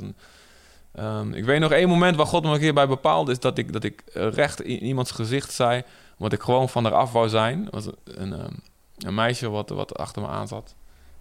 En ik zei, ik dacht, ik, ik heb er echt genoeg van. En ik, en ik zei, nee, ik zei altijd tegen iemand daarna, maar ik wist dat ze het hoorde. Nee, ze is echt, zij is echt lelijk. Dat is voor mijn, mijn moment, hè. Voor. En ik weet dat ik in mijn ooghoek zag ik het reactie van een meisje. En, en nou, ik dacht, ik schoof het zo snel, snel mogelijk aan de kant. Ik dacht, nou, ik ben er vanaf. En later heeft God me teruggebracht bij dat moment. Hmm. Weet je, ehm, ik, heb, ik weet niet wie... De, ik, wist, weet, ik heb geen idee wat er van een meisje geworden is. Misschien hartstikke goed gegaan, misschien niet. Maar ik weet wel dat op dat moment hebben mijn woorden hebben haar een, een, een doodsteek toegebracht. Ik heb schade berokkend aan haar. Wie weet wat zij door die woorden is gaan doen met zichzelf. Of hoe ze is gaan kijken naar zichzelf. En Creëert een emotionele wond. Zeg, eh, overschatten we onszelf nu een, beetje niet een beetje, Casanova? nee, nou ja, dat was ook de enige meisje ooit hoor. Nee, nou, Nee, nee, geintje man. Nee, Maar, maar, Inside eh, information. dit is ego man. Misschien ik het het wel helemaal niks. nee, weet je, ehm, ehm, ik, zag, ik zag wat er gebeurde Nee, in de ik ogen. snap je, weet je, ja, en God ja. bracht me echt terug en zei, weet je, ehm, Jezus zegt ook, joh, jullie vinden jezelf zo geweldig, zegt hij tegen de Joden op dat moment, omdat je niemand vermoordt. Mhm. Maar ik zeg je, als je iemand, eh, let, als je, iemand als je, als je een, een kwetsend woord spreekt tegen iemand, dan zul je je moeten verantwoorden tegen het hellevuur. Hij zegt, want dat, daarmee verspreid je net zo goed de dood Ja. als door een mes of door een, eh, door een pistool. Nou weet je, en die, die schuldvraag, zeg maar. ehm, op het moment dat je zo'n dier offert, dan zie je, zie je dat, oké, eigenlijk had dit mijn bloed moeten zijn. Mhm. Eigenlijk, eh, ik weet dat ik, dat ik dat verdien. Mhm. Maar ik dank God dat er een uitweg is en dat zo'n onschuldig beest voor mij eh, dat kan betalen. Nou, en, en de Bijbel zegt, dit is eigenlijk maar een voorafschaduwing van wat God zelf later gaat doen. En wat Jezus dus uiteindelijk heeft gedaan. Ja. Als ik het kruis zie, dan zie ik niet alleen een soort leuk religieus artefactje. Dan zie ik, ja, eh, ik had daar moeten hangen. Ik had die prijs moeten betalen. Maar meteen, dank God dat ik dat niet, dat ik dat niet hoef te doen. Ehm, alle andere religies, zeg maar, hebben andere oplossingen. Je moet dat zelf weer terugverdienen of je Ja. moet groeien. Dat- maar dat, dat, die schuldvraag, dat is door de eeuwen heen het centrale ding geweest van het christ- christendom. Ja. Het, ehm, er, is, eh, er moet een man- er moet vergiffenis, wat je zelf ook noemt, weet je, er moet, moet, Mm. er moet een punt komen ehm, dat je je zonde dus eh, voor eens en voor altijd opbiecht en die vergeving ontvangt. En dat je ook zeker weet dat je die hebt gekregen. Voor mij was het was, dat was zo centraal dat ik dat zag. Joh, ik, ik verdien de dood voor, wat ik, voor wie ik ben, voor wat ik doe. Wat ik daarvoor zwaar overdreven vond, op dat moment dat God binnenkwam, zag ik het. Ik verdien, ik, kan niks met God te maken. Ja. En hier kwamen we altijd, weet ik nog, in onze discussie in de dilemma's. Want dan zei ik van, ja maar, hey, wacht eens even. Hij heeft mij gemaakt zoals ik ben. En dan Ja. gaat hij boos worden op mij om hoe ik denk. Dus als ik bijvoorbeeld hè, de Mhm. spelregeltjes van het christendom hanteer... dan mag ik geen onzuivere gedachten hebben... bijvoorbeeld over mooie vrouwen die langskomen lopen. Nou, ik kan je verklappen, dat gaat niet altijd goed. Dus als ik die... Hè, ik moet dus nu eigenlijk... Ik weet niet hoeveel straatkatten, zeg maar, de keel doorhalen... om dat recht te zetten. Ik vind dat nogal cru, snap je? En dan denk je, maar hoe kun je mij daar nou op aankijken? God, als je echt de designer van het programma bent. Dat klopt niet helemaal. Nee, maar kijk, eh, daarom, eh, en daarom biedt God ook zeg maar de, die rijk, de helpende hand. Mm. Eh, zo van, hé, hey, ik snap dat jullie hier niet om gevraagd hebben, maar je bent wel zo. Dit is wel de realiteit. Ja. Ehm, maar daarom vraagt God, hij vraagt wel een ontzettend moeilijk ding van ons om te doen. En dat is dat we onszelf vernederen, zeg maar. Dat we ehm, niet op een verkeerde manier vernederen, maar dat we zeggen, joh, ik, ik kan dit inderdaad niet zelf. Ik heb hulp nodig. En dat is het moeilijkste ding. Want voor een mens, want wij willen allemaal onze trots behouden. Zo van, nee, maar oh, je gaat me niet verte- vertellen dat ik, ik zelf het niet kan. Dat, Ja. is, dat is in mijn optiek is dat het ego. Het ego wil je zien falen. Dat je continu in bepaalde situaties komt waarbij je weer kan zeggen: Oh ja, kijk maar, je bent niet goed genoeg. Ik ben waardeloos. Dat soort overtuigingen. Dus de andere kant is dat je kiest voor dan die liefde. Dus dat je wel durft te stralen erin. Ja, En ik, ik, een van de dingen die je bijvoorbeeld ook net zei van eh, de emotionele wonden die je kan achterlaten als je bijvoorbeeld iets zegt tegen iemand. Ik vind een hele mooie. Ik heb het al een paar keer in de afgelopen aflevering hebben we het over gehad. Eh, Don Miguel Ruiz heeft een aantal boeken geschreven en eentje van heet Vier Inzichten. Hij praat over de Tolteekse eh, wijsheden. En de eerste daarvan is dat je eh, eh, spreekt in zuiverheid. Dus inderdaad, dat wat jij zegt tegen zo iemand. ja, hij lachte dat net een beetje weg. Maar het kan inderdaad echt iemand een, eh, een rotgevoel geven. Slash zijn hele karakter daaromheen Absoluut. vormen. Kijk, ik denk dat alle religies dat inzien van eh, eh, het, het achtvoudige pad, eh, de vijf eh, zuilen, eh, Mhm. de tien geboden. Dat, dat stukje van dat we weten hoe het eigenlijk zou moeten, dat zit in alle religies wel goed. Alleen Ja. hoe lossen we dat nou op? Ja. En eh, ja, lekker. Hoe lossen we dat nou op? Dat is, dat is het verschil. Ja, en ehm, Want, hoe kijk jij nou kunnen we onszelf daarvan verlossen? Ja, eh, hoe, hoe, hoe kijk jij nou bijvoorbeeld naar... bedoel, jij hebt deze kennis. eh, Maar als we nou bijvoorbeeld eventjes naar een totaal andere plek gaan... en dan ga ik eventjes terug naar een eh, verhaal wat ik ken van een eh, collega van mij... die werkt op kantoor. Dus ook een jongen die is naar de bijbelschool geweest. En die vertelde over een, ehm, eh, zijn mentor... die echt naar Papua Nieuw-Guinea werd gestuurd... om ja, mensen te bekeren. En die mensen die hadden nog nooit gehoord van een god of een kerk... of hebben helemaal een eigen interpretatie ervan. Dat Ja. eigenlijk wat ik net... Hè, je leeft al in het paradijs, een beetje die zienswijze. Hoe, hoe zie je dat? Zie je dat dan echt dat, dat, dat die mensen eigenlijk gedoemd zijn zonder de hulp van eh eh, degene die daarheen gaan om ze te bekeren tot een bepaald eh, geloof? Tot jullie geloof in dit geval? Ja, weet je, de motivatie van, van, van, van de meeste zendelingen zijn altijd rotte appels. Dus, hè? Maar Ja, de motivatie normaal gesproken is echt liefde. Van, joh, weet je, deze mensen ehm, leven in duisternis. Ja. En dat is een heel heftige uit. Ik Vind snap ik dat het een heel heftige uitspraak is. Maar kijk naar, naar, naar hoe... hoe ehm, kijk naar de culturen voor, eh, voor het christendom. Ehm, we hebben daar... kijk, Heidenen. ik heb, ontwikkelingsstu- ik heb ontwikkelingsstudies gestudeerd. Een groot deel daarvan was culturele antropologie. Dus ik ken het, hè, het concept van eh, cultuurrelativisme. Het verheerlijken van hè, de nobele wilde. Mhm. En Wat bedoel je? De, het verheerlijken van de nobele wilde? Dan nou, je weet de, je, oh, eh, we moeten, we moeten eh, vooral alle culturen intact laten, want dat is zo geweldig. Oh, zo. nee, de kruisridders deden daar beter eh, werk mee. Nou zeggen. goed, ja, dan pak je meteen de andere extreme elementen. Maar, Ja, ja, ja ehm, ehm, het, als, als wij kijken naar India en, en dat weduweverbranding daar de nog gangbare praktijk is. Als we kijken Ja. naar hoe koppersnellers onder de Dayaks dat, was, dat, dat gemeen goed was. Eh, Mhm. als jij als, als één stam jou iets aandeed, dan pak je Ja. weer iemand terug van de andere stam. En als we zien dat dat allemaal ook in Papua Nieuw-Guinea allemaal nu afgeschaft is. Ja. Ja. Ehm, Door de invloed van het christendom. Dan, eh, ik heb geleerd zeg maar, wat trotser te zijn op eh, de positieve dingen van het christendom. Want kijk, in het begin, was in het begin dat ik met jou begon te praten... had ik ook daar nog een beetje zo'n verontschuldige houding over. Van ja, ja, inderdaad, ik geloof nou in Jezus, maar... Ja, sorry voor, voor de IRA en sorry voor de kruistocht. Nee, nee, ik denk maar dat ik heb geleerd, nu, als je echt, echt gaat bekijken, weet je... ehm, was het, is het, was het allemaal wel zo geweldig daarvoor? En natuurlijk, het, we kennen allemaal de zonde van het christendom. En dat is ook een christelijk trekje. Om Mhm. zelf kritisch te zijn. Dat wat in onze maatschappij zit, dat is zeker een protestants trekje. Ehm, maar ehm, ja, kijk, eh, als je zo die film van, eh, ik snap dat het Mel Gibson is en zo, eh, maar Apocalypto, zo, die film van die Indianen, dat, Hmm. dan zie je ook, dat was echt geen pretje, die gasten die, die, die, eh, die krijgsgevangenen. Die Zo verlicht was het allemaal ook Nee, niet. maar- Ik dat- denk, we moeten, we moeten heel eerlijk naar kijken. We moeten- De goede dingen mogen we zeker benoemen, maar we moeten ook niet idealiseren hoe, hoe, hoe, hoe het was. Nou. En ik denk dat, eh, kijk, de Spanjaarden waren natuurlijk ook, ook, eh, ook schurken, maar ook niet allemaal. Waren ontzettend goede, goede eh, eh, Nee, tuurlijk. En eh, wat, wat je mij even triggerde net was wat je vertelde over India. Toevallig dat ik daar laatst een quote over las. Dat, zeg maar, dan zeggen ja, je moet culturen moet je intact laten. En dat was inderdaad het voorbeeld dat in India, zeg maar, weduwen op de brandstapel werden gegooid bij een overleden man. En nou, was, het was de quote dan van een of andere generaal die daar destijds, zeg maar, toen ze dat aan het aanpakken was, diende. Prima, wij laten jullie waarde van weduwen op de brandstapel volledig intact. Wij laten die van ons, dat we moordenaars aan de hoogste boom hangen, ook intact.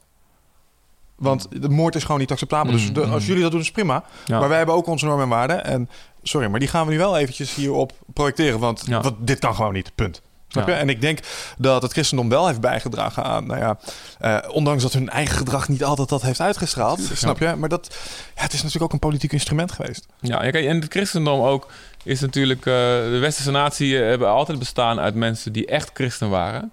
En mensen die, omdat op dat moment de heersende norm was... eh, zich christelijk voordeden, maar het van binnen niet waren. Hè, en, eh, Spiritueel ego.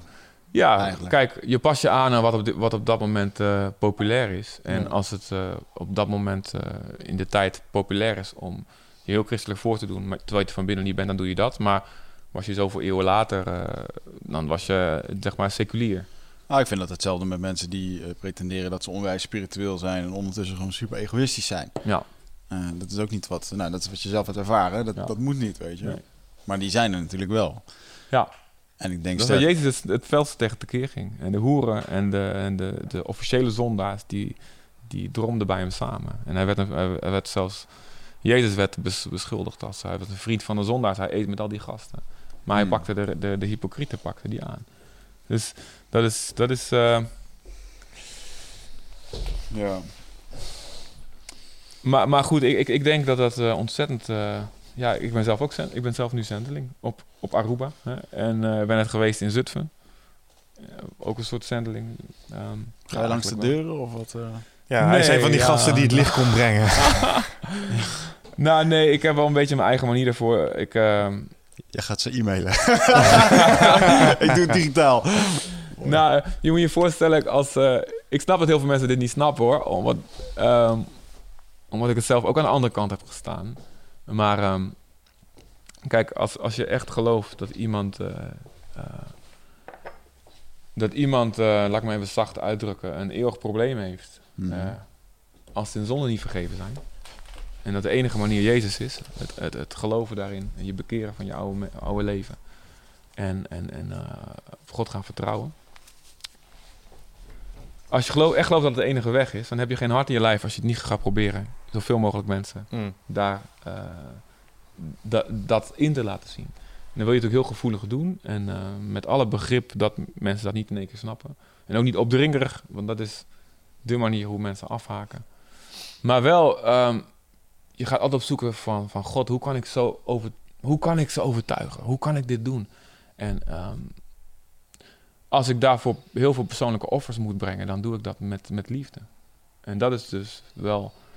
Ehm, en ik denk eh, dat die eh, mensen in Papua Nieuw-Guinea dat op dezelfde manier gedaan hebben. Die, die, die gaan echt niet voor een pretje van, nou, ik ga even een wereldreis maken, lekker naar de Papua's. Die hebben, die hebben hun hele hebben en houden, hun familie, alles achtergelaten. Ja, om daar eh, bijzonder. Ook verhalen malaria te gaan krijgen. En, en, en, Beschoten werden, aangevallen. En, Ja. dat is wel heel bijzonder. Dus dat is, dat is, dat, dat, dat is de, de liefde van God die door mensen heen eh, probeert uit te reiken naar mensen die het niet snappen. Maar als ik zie hoe, eh, ja, hoe, hoe- wat, wat voor gevolgen dat kan hebben, dan denk ik, ja, dat is wel het Gods werk. Die, die Ja. juist door zulke offers heen. Is dat niet juist een... eh, dat is nou juist bij mij het idee dat dat collectieve bewustzijn... en al die mensen die dood hebben moeten gaan... al die mensen waar hun hoofd is afgehakt... dat heeft allemaal moeten gebeuren. Anders waren we, anders hadden we het gesprek nu niet gehad. Mhm. Ja. Dus ja, Ja, eh, ja, Ja, dat dat, dat klopt. Denk je dat het goed zegt. Ik, ik denk dat, dat, dat als wij eens goed, gewoon heel, heel eerlijk zonder vooroordeel gaan kijken, dan zonder Jezus, waar, waar- zou Europa, wat zou Europa nu voor continent zijn? Hoe waren de Grieken en de Romeinen en de Germanen echt? En de Kelten zonder, Mhm. zonder het, de Rooms-Katholieke, ik ben geen katholiek, hè, maar zonder de Rooms-Katholieke kerk die we allemaal verketteren en, en, en, en het zonde van aanwijzen. Maar ehm, hoe zijn ziekenhuizen begonnen? Hoe is onderwijs begonnen? Ja. Laten we eens heel, heel eerlijk daarnaar kijken. Maar Ja. als we dan... ehm, ik heb daar een mooi woord voor gevonden. eh, historisch kritische exegese toepassen. Uh-huh. Andere woorden, we gaan kijken naar het woord eh, zoals het toen de tijd is geïnterpreteerd in de context van de tijd waarin het geschreven is. Dan is het natuurlijk ook wel onmiskenbaar dat eh, hoe ehm, mooi bepaalde eh, van die uitgangspunten ook zijn geweest. Het is ook wel echt een, een machtsinstrument geweest. En Absoluut. het, het, zeg maar het, ehm, Daar is de kerk de fout in gegaan. Ja, Vanaf, het, Constantijn. Zeg maar pacifying the natives, ehm, dat is eh, zeg maar op niet zachtaardige wijze gebeurd. En ja, het heeft wel structuur gebracht, maar het Romeinse de- Rijk deed natuurlijk niet anders. Hè. Ik bedoel, die hebben ook hele gebieden van Engeland gewoon, ja, voordat ze weg moesten uiteraard, maar hebben ze wel een soort van gecultiveerd. Ja. En was eh, het niet toevallig dat dat Rijk dat die cultivatie deed, het, de, eh, het, het christendom toevallig als geloof had waarmee deed. Maar ik denk dat in hè, parallel daaraan, om het niet al te eurocentristisch te houden, eh, bijvoorbeeld in eh, het Midden-Oosten gebeurde soortgelijke dingen in het kalifaat. Maar dat was het islam, was het systeem dat ze Ja. daarvoor gebruikten. Nou, kijk, de christendom is de eerste drie eeuwen natuurlijk eh, totaal geweldloos geweest. Ehm, en, en zuiver gebleven. Omdat, ja, het, omdat het, dus jullie stonden met name aan het ontvangende eind van het geweld. Ja, absoluut. Ja, en, Ja. En, en, en daardoor, dat, dat hield het wel... eh, kijk, ik- zet mij alsjeblieft niet aan een tijdmachine terug naar die tijd. Eh, dat ik dat eh, zo geweldig zou vinden om daar We te hebben- we leven. hebben Maar, hier nog DMT liggen. weet je, eh, maar, eh, het heeft het, wel, het, heeft het, wel, het heeft wel de motieven van de mensen zuiver gehouden. Als je, daar, als je toen christelijk leider wou worden, dan wist je, ik ben de eerste die voor de leeuw gegooid wordt. Natuurlijk niet altijd overal, maar eh, Ja, dat heeft me wel verbaasd, man. Dan moet je wel ernstig onwrikbaar zijn in je geloof als je bereid bent. Want ehm, correct me if I'm wrong, maar volgens mij op het moment dat jij op het punt stond om opgepakt te worden, of je werd opgepakt als christen, kreeg je alsnog de kans om te Ja, zeggen, ja. hey, sorry, uh, fucked up. eh, en En dan alsnog... aan de Romeinse goden. Ja, oké, sorry. Ik heb het, ik heb het van. eh, Ja. maar, en als je dat niet deed, dan werd je meegenomen. Dan werd je of op de brandstapel geflikkerd of je werd voor de leeuwen gegooid. Ja. En dan alsnog ervoor te kiezen. Ja, ik wist het wel hoor. Ik denk dat het een... ehm, Ik weet niet of ik dan zou zeggen, ah ja, toch wel. Maar zo Jezus is het christendom dus ook gegroeid. Want mensen die zagen dat. En, eh, en, en mensen die... eh, dit is niet massaal gebeurd hoor, maar het is wel gebeurd. Dat mensen sprongen van de tribunes om erbij... eh, van, als toeschouwer. Die zo overtuigd raken. Dit, die gasten zijn echt. Die sprongen erbij. En zo is het christendom gegroeid. Tot het moment dat... eh, dat Constantijn natuurlijk een soort visioen gehad heeft. ehm, waarin in één keer hij de opdracht krijgt om onder het kruissymbool te gaan vechten en oorlog te gaan voeren. En eh, in één keer het christendom eh, de bevoorrechte staatsgodsdienst werd. En toen kreeg je heel ander soort leiders van... In plaats van de eerste die voor de leeuwen gegooid werden, ben jij, ja, als je met de keizer wil dineren en als je macht wil hebben, dan moet je bisschop gaan worden. En vanaf dat moment zie je ook dat allerlei rare leringen die daarvoor niet zo waren, hmm. dat die het christendom beginnen eh, binnen te kruipen. En dat de zuiverheid verdwijnt. En dat er meteen eh, alle ketters met het zwaard worden bestreden.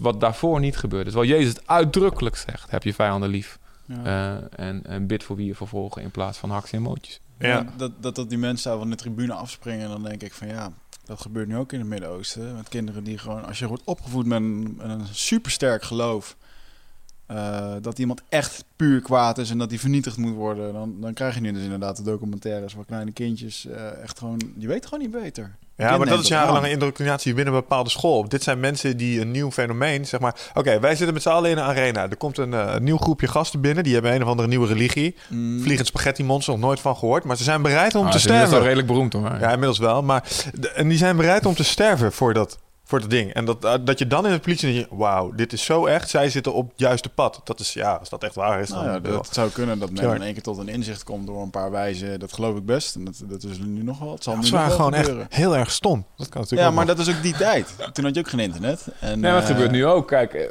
Uiteindelijk was je leefomgeving ook niet zo groot. Je had geen auto's, dus ja, je zat op een paar honderd vierkante kilometer. En daar werden verhaaltjes verteld. Ja. Uiteindelijk is het verhaaltje, verhaaltje op verhaaltje. Dat is denk ik ook de reden waarom die onzuiverheid er op een gegeven moment in is geslopen. Want iedereen gaat dan zijn eigen verhaaltje er ook van maken. Nou ja, de ooggetuigen natuurlijk hebben het eh, goed opgeschreven. De apostelen die Jezus hebben meegemaakt. En ja, dat maar is, op een geiten, eh, geitenhuid. Eh, nou, het is, het is het meest eh, betrouwbare document uit de oudheid. Er zijn eh, zo- zoveel duizenden kopieën zo, verspreid over de hele... hele Ja. eh, Dat is ook niet het risico wereld, trouwens, dat het dan zo vaak gekopieerd is. En eigen interpretatietjes. En nou ja, er zijn anders- natuurlijk afwijkingen gevonden in punten en komma's en soms een toevoegingje. Maar het heeft eigenlijk de betrouwbaarheid van de oorspronkelijke tekst alleen maar sterker gemaakt in plaats van zwakker. Ja. Omdat het zo... Het is Maar, maar jammer dat, de- die, de- eh, dat de bibliotheek van Constantinopel, die is echt compleet uitgefikt. Want daar lagen echt superveel van deze documenten. Misschien nog wel ouder dan waar jij het nu over hebt. Dat is wel echt een... eh, Ja, ik vind dat altijd wel fascinerend. Oude manuscripten, wat zou er nog aan eh, wijsheid in staan en zo. Het een van de dingen, dat, dat vind ik nog steeds echt van de, een van de meest vreselijke dingen waar ik over gehoord heb. Helaas, het konto van het christendom is dat een aantal van die conquistadors destijds, ik geloof een Azteekse of een Maya bibliotheek de hens in hebben gestoken waar al hun oude geschriften en dat soort dingen stonden. Ja, Wat je daar nog tussen had Ja. kunnen vinden over dit soort eh, thema's. ik zou het ook niet gedaan hebben, maar als ik, zie, als ik zie hoe ze daar eh, duizenden offers eh, van een tempel knikkeren, dan zou ik ook eventjes een beetje pissig zijn geweest van, hé, hey, laten Dus we dit kan niet helemaal de al die bedoeling inspiratiebronnen eens eventjes. Dus niet om het goed te praten, maar ja. je moet het een beetje, ja, ik heb geleerd er wat, wat meer eh, eventjes, oké, eventjes. Hmm. wat- Dit was niet oké. Ja, mensen offeren is niet oké. Ja, ja. Maar wat is, wat is jouw mening over als ik zeg dat het is een vrij brede generalisatie, maar dat eh, kerken en instituten eigenlijk een beetje een rol hebben verloren in het zijn van, eh, ehm, voor, voor mijn idee eh, zijn ze ontstaan uit een vorm van heling, een vorm van bewustzijn, eh, comfort. En vandaag de dag zie je toch dat het meer naar een overlevingssituatie is gekomen. Van jongens, we moeten sterk zijn met z'n allen. eh, er moet geld ingezameld worden, want we verliezen eh, zieltjes. ja. En Ja, dat is is, het een ja. beetje die... Ja, weet je, daarom heeft het misschien ook een beetje die, die krampachtige ehm, I don't know, situatie op dit moment... Wat het, wat het uitprobeert, wat het uitstraalt. Misschien onbedoeld. Is dat iets wat je herkent? Ehm, ik, ja, ik zie dat natuurlijk op een afstandje. om Bij de, bij de, ja, met name de historische kerken. Ehm, maar ehm, ja, ik heb zelf in Zutphen ben ik acht jaar voorganger geweest en daar, daar begonnen we met niks. En dan, toen ik wegging hadden we eh, 245 mensen, waarvan de helft eh, daarvoor ongelovig was. En eh, nog een heel groot deel we daarna verhuisd. Dus we hebben juist alleen maar groei gezien. En als je wereldwijd kijkt naar eh, evangelische kerken, Pinkstergemeenten, dus zeg maar protestant, maar dan eh, de, weet je, wat, mo- wat moderner en wat meer op de beleving gericht. Dan zie je dat dat, eh, ja, dat zit nu op eh, tussen de 600 en 800 miljoen. Dus rond de 10% van de hele wereldbevolking. Mhm. En dan zie je dat dat, dat eh, enorm groeit, met name buiten Europa. Ja. Ehm, dus ik, heb, ja, ik, zie dat, ik, ik, ik zie dat en ik hoor dat in de vanaf de media pik ik dat beeld op. En ik ontmoet soms van dominees die ook in die stand zitten. Maar voor mijzelf is dat niet de ervaring. Ik zie juist dat ehm, uit de eerste hand hoe de kerk dat centrum van heling juist is. Weet je wel, door, eh, door mensen die helemaal in de richting kwijtraken, die, die weer hun plek vinden. Die, ehm, ja. Dus eh, nee, ik, ik, maar ik, ik snap dat wel. ehm, dat mensen dat zo zien. Zeker hier eh, ja, in Nederland. Ja. Ja. Hey, vertel eens iets over, ehm, over je reis richting Aruba. Want een van de dingen die ik eh, met name inspirerend vond de laatste keer dat ik jou sprak, is dat er een soort, ehm, dat vind ik mooi, je hebt een bepaalde richting voor jezelf bepaald, je hebt een bepaalde hartstocht en het lijkt erop alsof dingen gewoon op een of andere manier gewoon op je pad komen en dat dingen gewoon in elkaar vallen en dat je op een gegeven moment daardoor gewoon, nou in wat jij probeert te bereiken, gewoon stappen maakt en daarmee dus ook een soort van succesvol bent. Want je hebt gewoon een doel om zoveel mogelijk dit soort dingen te doen. Vertel daar eens iets over, want dat was toch wel weer zo'n verhaal van, ik van ja, dit is toch wel weer typisch. ja, we waren in Zutphen gewoon best wel lekker bezig. Ehm, ehm, het is eigenlijk geen, geen eh, ja, niet echt zoiets waar je makkelijk weggaat. Eh, ik had er gewoon een, hu- een koophuisje, nog steeds. Eh, vast salarisje en eh kindertjes op school, familie in de buurt. Was dat een trouwens? Wil je even een funda-adres eh er tussendoor gooien? Nee, nee, mensen- nee, nee, hij zit heel lekker heerlijk in de verhuur, dus laat hem maar lekker Ah, even oké, zo. En, eh, Illegaal. nee, helemaal legaal. Zit een en er staat een Ja, hok ja, daar. Er ja. staan nu een paar wietplanten in. Of Fion mag meeluisteren. ik heb toestemming. Nee, en, eh, ehm, eh, wat wil ik zeggen? Ja, maar goed. Eén element is wel, mijn, mijn, mijn, kijk, mijn vrouw is Colombiaanse. Hm. Eh, komt daar vandaan. Eh, we hebben elkaar hier ontmoet. Eh, hier, lang hier, eh, hier getrouwd, kinderen gekregen, lang hier gewoond. Maar dus dat, eh, ik zag in haar toch een soort heimwee. Van, joh, ik wil terug naar mijn, recht dichter bij mijn cultuur. Ze heeft op Aruba gewoond. Hm. Maar eh, ze wou daar nooit echt over praten. Want nee, weet je wel, we leven voor God. En eh, als God een offer van je vraagt, dan doe je dat gewoon. Voor haar was het toch een offer om in Nederland te wonen. Ook al woont haar moeder en de zusje ook hier, maar goed. Ehm, maar ja, ik had echt zoiets van... eh, ja, maar ik weet niet... Ik weet dat God soms offers vraagt, maar ik weet dat God soms ook... eh, ja, hoe je bent en waar je vandaan komt, dat hij dat juist gebruikt. Dus eh, ik zat echt bij haar aan te dringen van... Nou, weet je, als je, praat er gewoon eens eerlijk over... zonder dat je jezelf meteen aan de kant zet. En eh, toen zag ik toch elke keer als ik... eh, ik noemde dan gewoon wat landelijk raken. En als ik Aruba noemde, dan begon iets bij de, in de ogen te, te lichten. Van ja, dan zeiden ze soms... Ja, dan zouden de kinderen wel... Onze kinderen wel in Nederlands naar school kunnen blijven gaan... maar toch, eh, toch dichterbij. Eh, het weer en de cultuur die wat ik ken. Hm. Dus eh, ik zei, nou, misschien wil, wil God het wel. Laten we niet meteen dat uitsluiten. Ehm, natuurlijk, als God zegt Groenland... of wat, wat voor plek... eh, dat is wat niet, niet cool is, of juist te cool, bedoel ik. Ja. Dan doen we dat ook. Want we leven voor hem en joh, de eeuwigheid gaan we lekker wel genieten. Het zal Maar- echt venijnig zijn. God, mogen we ergens anders van? Ja, Antarctica. Nee, Come to Siberia, boy. ja, dus ehm, nou, laten we dat gaan vragen aan God. En ehm, dus dan hebben we gezegd, ik heb geleerd, van, ja, als je een relatie met God hebt, als het een relatie is, dan mag je, natuurlijk heeft God zijn inbreng, maar we mogen wij ook onze inbreng hebben, die ruimte geeft hij ons. Dat is oké. Heel fijn. Ehm, eh, God, als, als, als u het echt wil, als het echt uw nummer één plan is voor ons leven, dat we, dat we binnenkort eh, weggaan uit Zutphen Hm. en dat we naar Aruba gaan, laat ons dan maar voorgangers van kerk, een kerk op Aruba tegenkomen zonder dat wij ze opzoeken. Zonder dat wij ze mailen, bellen, wie dan ook. Ehm Nathalie had een paar eh, vriendinnen van vroeger die, die op Aruba woonden, maar die waren helemaal geen kerkelijke mensen. Dus we kennen helemaal niemand in die wereld. Dus wij zeiden, oké, als God het wil, dan, dan gebeurt dat. Nou, eh, binnen een maand kreeg eh, Nathalie, dus mijn vrouw, een, een, een enorm sterk gevoel wat ze een paar keer in haar leven heeft gehad.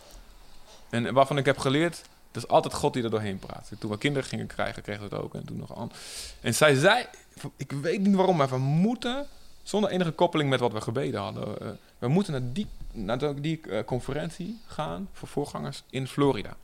Spaanstalig, allemaal Latino's. In Orlando. Nou, mijn zus woont daar, dacht ik, nou dan gaan we dat mooi koppelen. We hadden van de kerk budget om één keer per jaar naar een soort congres te gaan om een beetje bij te tanken. Op vakantie te gaan. Ja. Ja, gewoon een beetje bijscherpen. Jongens, er wel even met de pet rond. Hele flauwe opmerking. Pattaya, Thailand. Ik geloof dat eh, hier eh, iemand eigen ego eh, begint te spreken. ja, ja, wij Maar- projecteren gewoon. Ja. Ja, ik projecteer gewoon. Jongens, geef de- geef Wat zou deze- Wigger doen? Mensen, geef deze jongens een vakantie. Stuur graag naar rekening. Ehm, dus wij gingen daarheen. eh, en de eerste dag... ehm, allemaal Latino's in Amerika. Hm. Eerste dag in één keer worden we op de schouders getikt. Komen jullie uit Nederland? Het blijken de voorgangers te zijn van de grootste kerk, Pinkstergemeente op Aruba. Spaanstalige gemeente. Dus wij schrikken behoorlijk. Ehm, zij zeggen daarnaast, toen wij op het vliegtuig stapten, toen zei God tegen ons: Jullie gaan een contacto divino, een bovennatuurlijk contact krijgen. Een, een goddelijk contact krijgen. En jullie zijn het, zegt, ze- zeiden ze. Dus wij schrikken nog iets meer. Maar ik was sceptisch. Ik had, want ik wou eigenlijk niet weg. Ik zei: Ja, ik weet het niet hoor. Het kan toevallig zijn. We raken bevriend met die lui. ehm, trekken met hen op die dagen. We komen thuis. Een paar maanden no- later nodigen ze ons uit. Kom naar Aruba. We betalen een ticket. We regelen een huis. We regelen een auto. Kom spreken in mijn kerk. In één keer zitten we dus een paar maanden later zitten we zomaar op Aruba. Ehm, tussen, in, in die tijd ongeveer. ehm, ik heb één oude voorganger eh, waar ik altijd naar keek eh, voor, als voorbeeld. Dat vond ik een, eh, een interessante man. Daarvoor had mijn vader, die kwam al een keertje uit zijn, eh, uit zijn, eh, uit zijn gebedskamertje. Kwam hij naar buiten en zegt: Chris, God heeft me laten zien dat je naar Aruba gaat. Dit was, dit was trouwens, moet ik even terugspoelen. Is dat niet helemaal gewoon logisch? Dat was voordat, voordat we dat gingen bidden, zeg maar. En ik zei van, nee pa, dan gaan we dat. denk niet dat het gaat gebeuren. Nee, het gaat gebeuren, zei hij. Nou, toen, toen was dit gebeurd in Amerika. En toen was er een andere oude voorganger. Ehm, en ik eh, was eh, 77. En ik, ik ging altijd naar hem voor advies, want hij deed het ontzettend goed. Een man van, die echt wonderen meemaakte, maar ook ontzettend vol liefde. Hij was begonnen met een kerkje aan huis en aan het eindigen met duizend man in Almelo.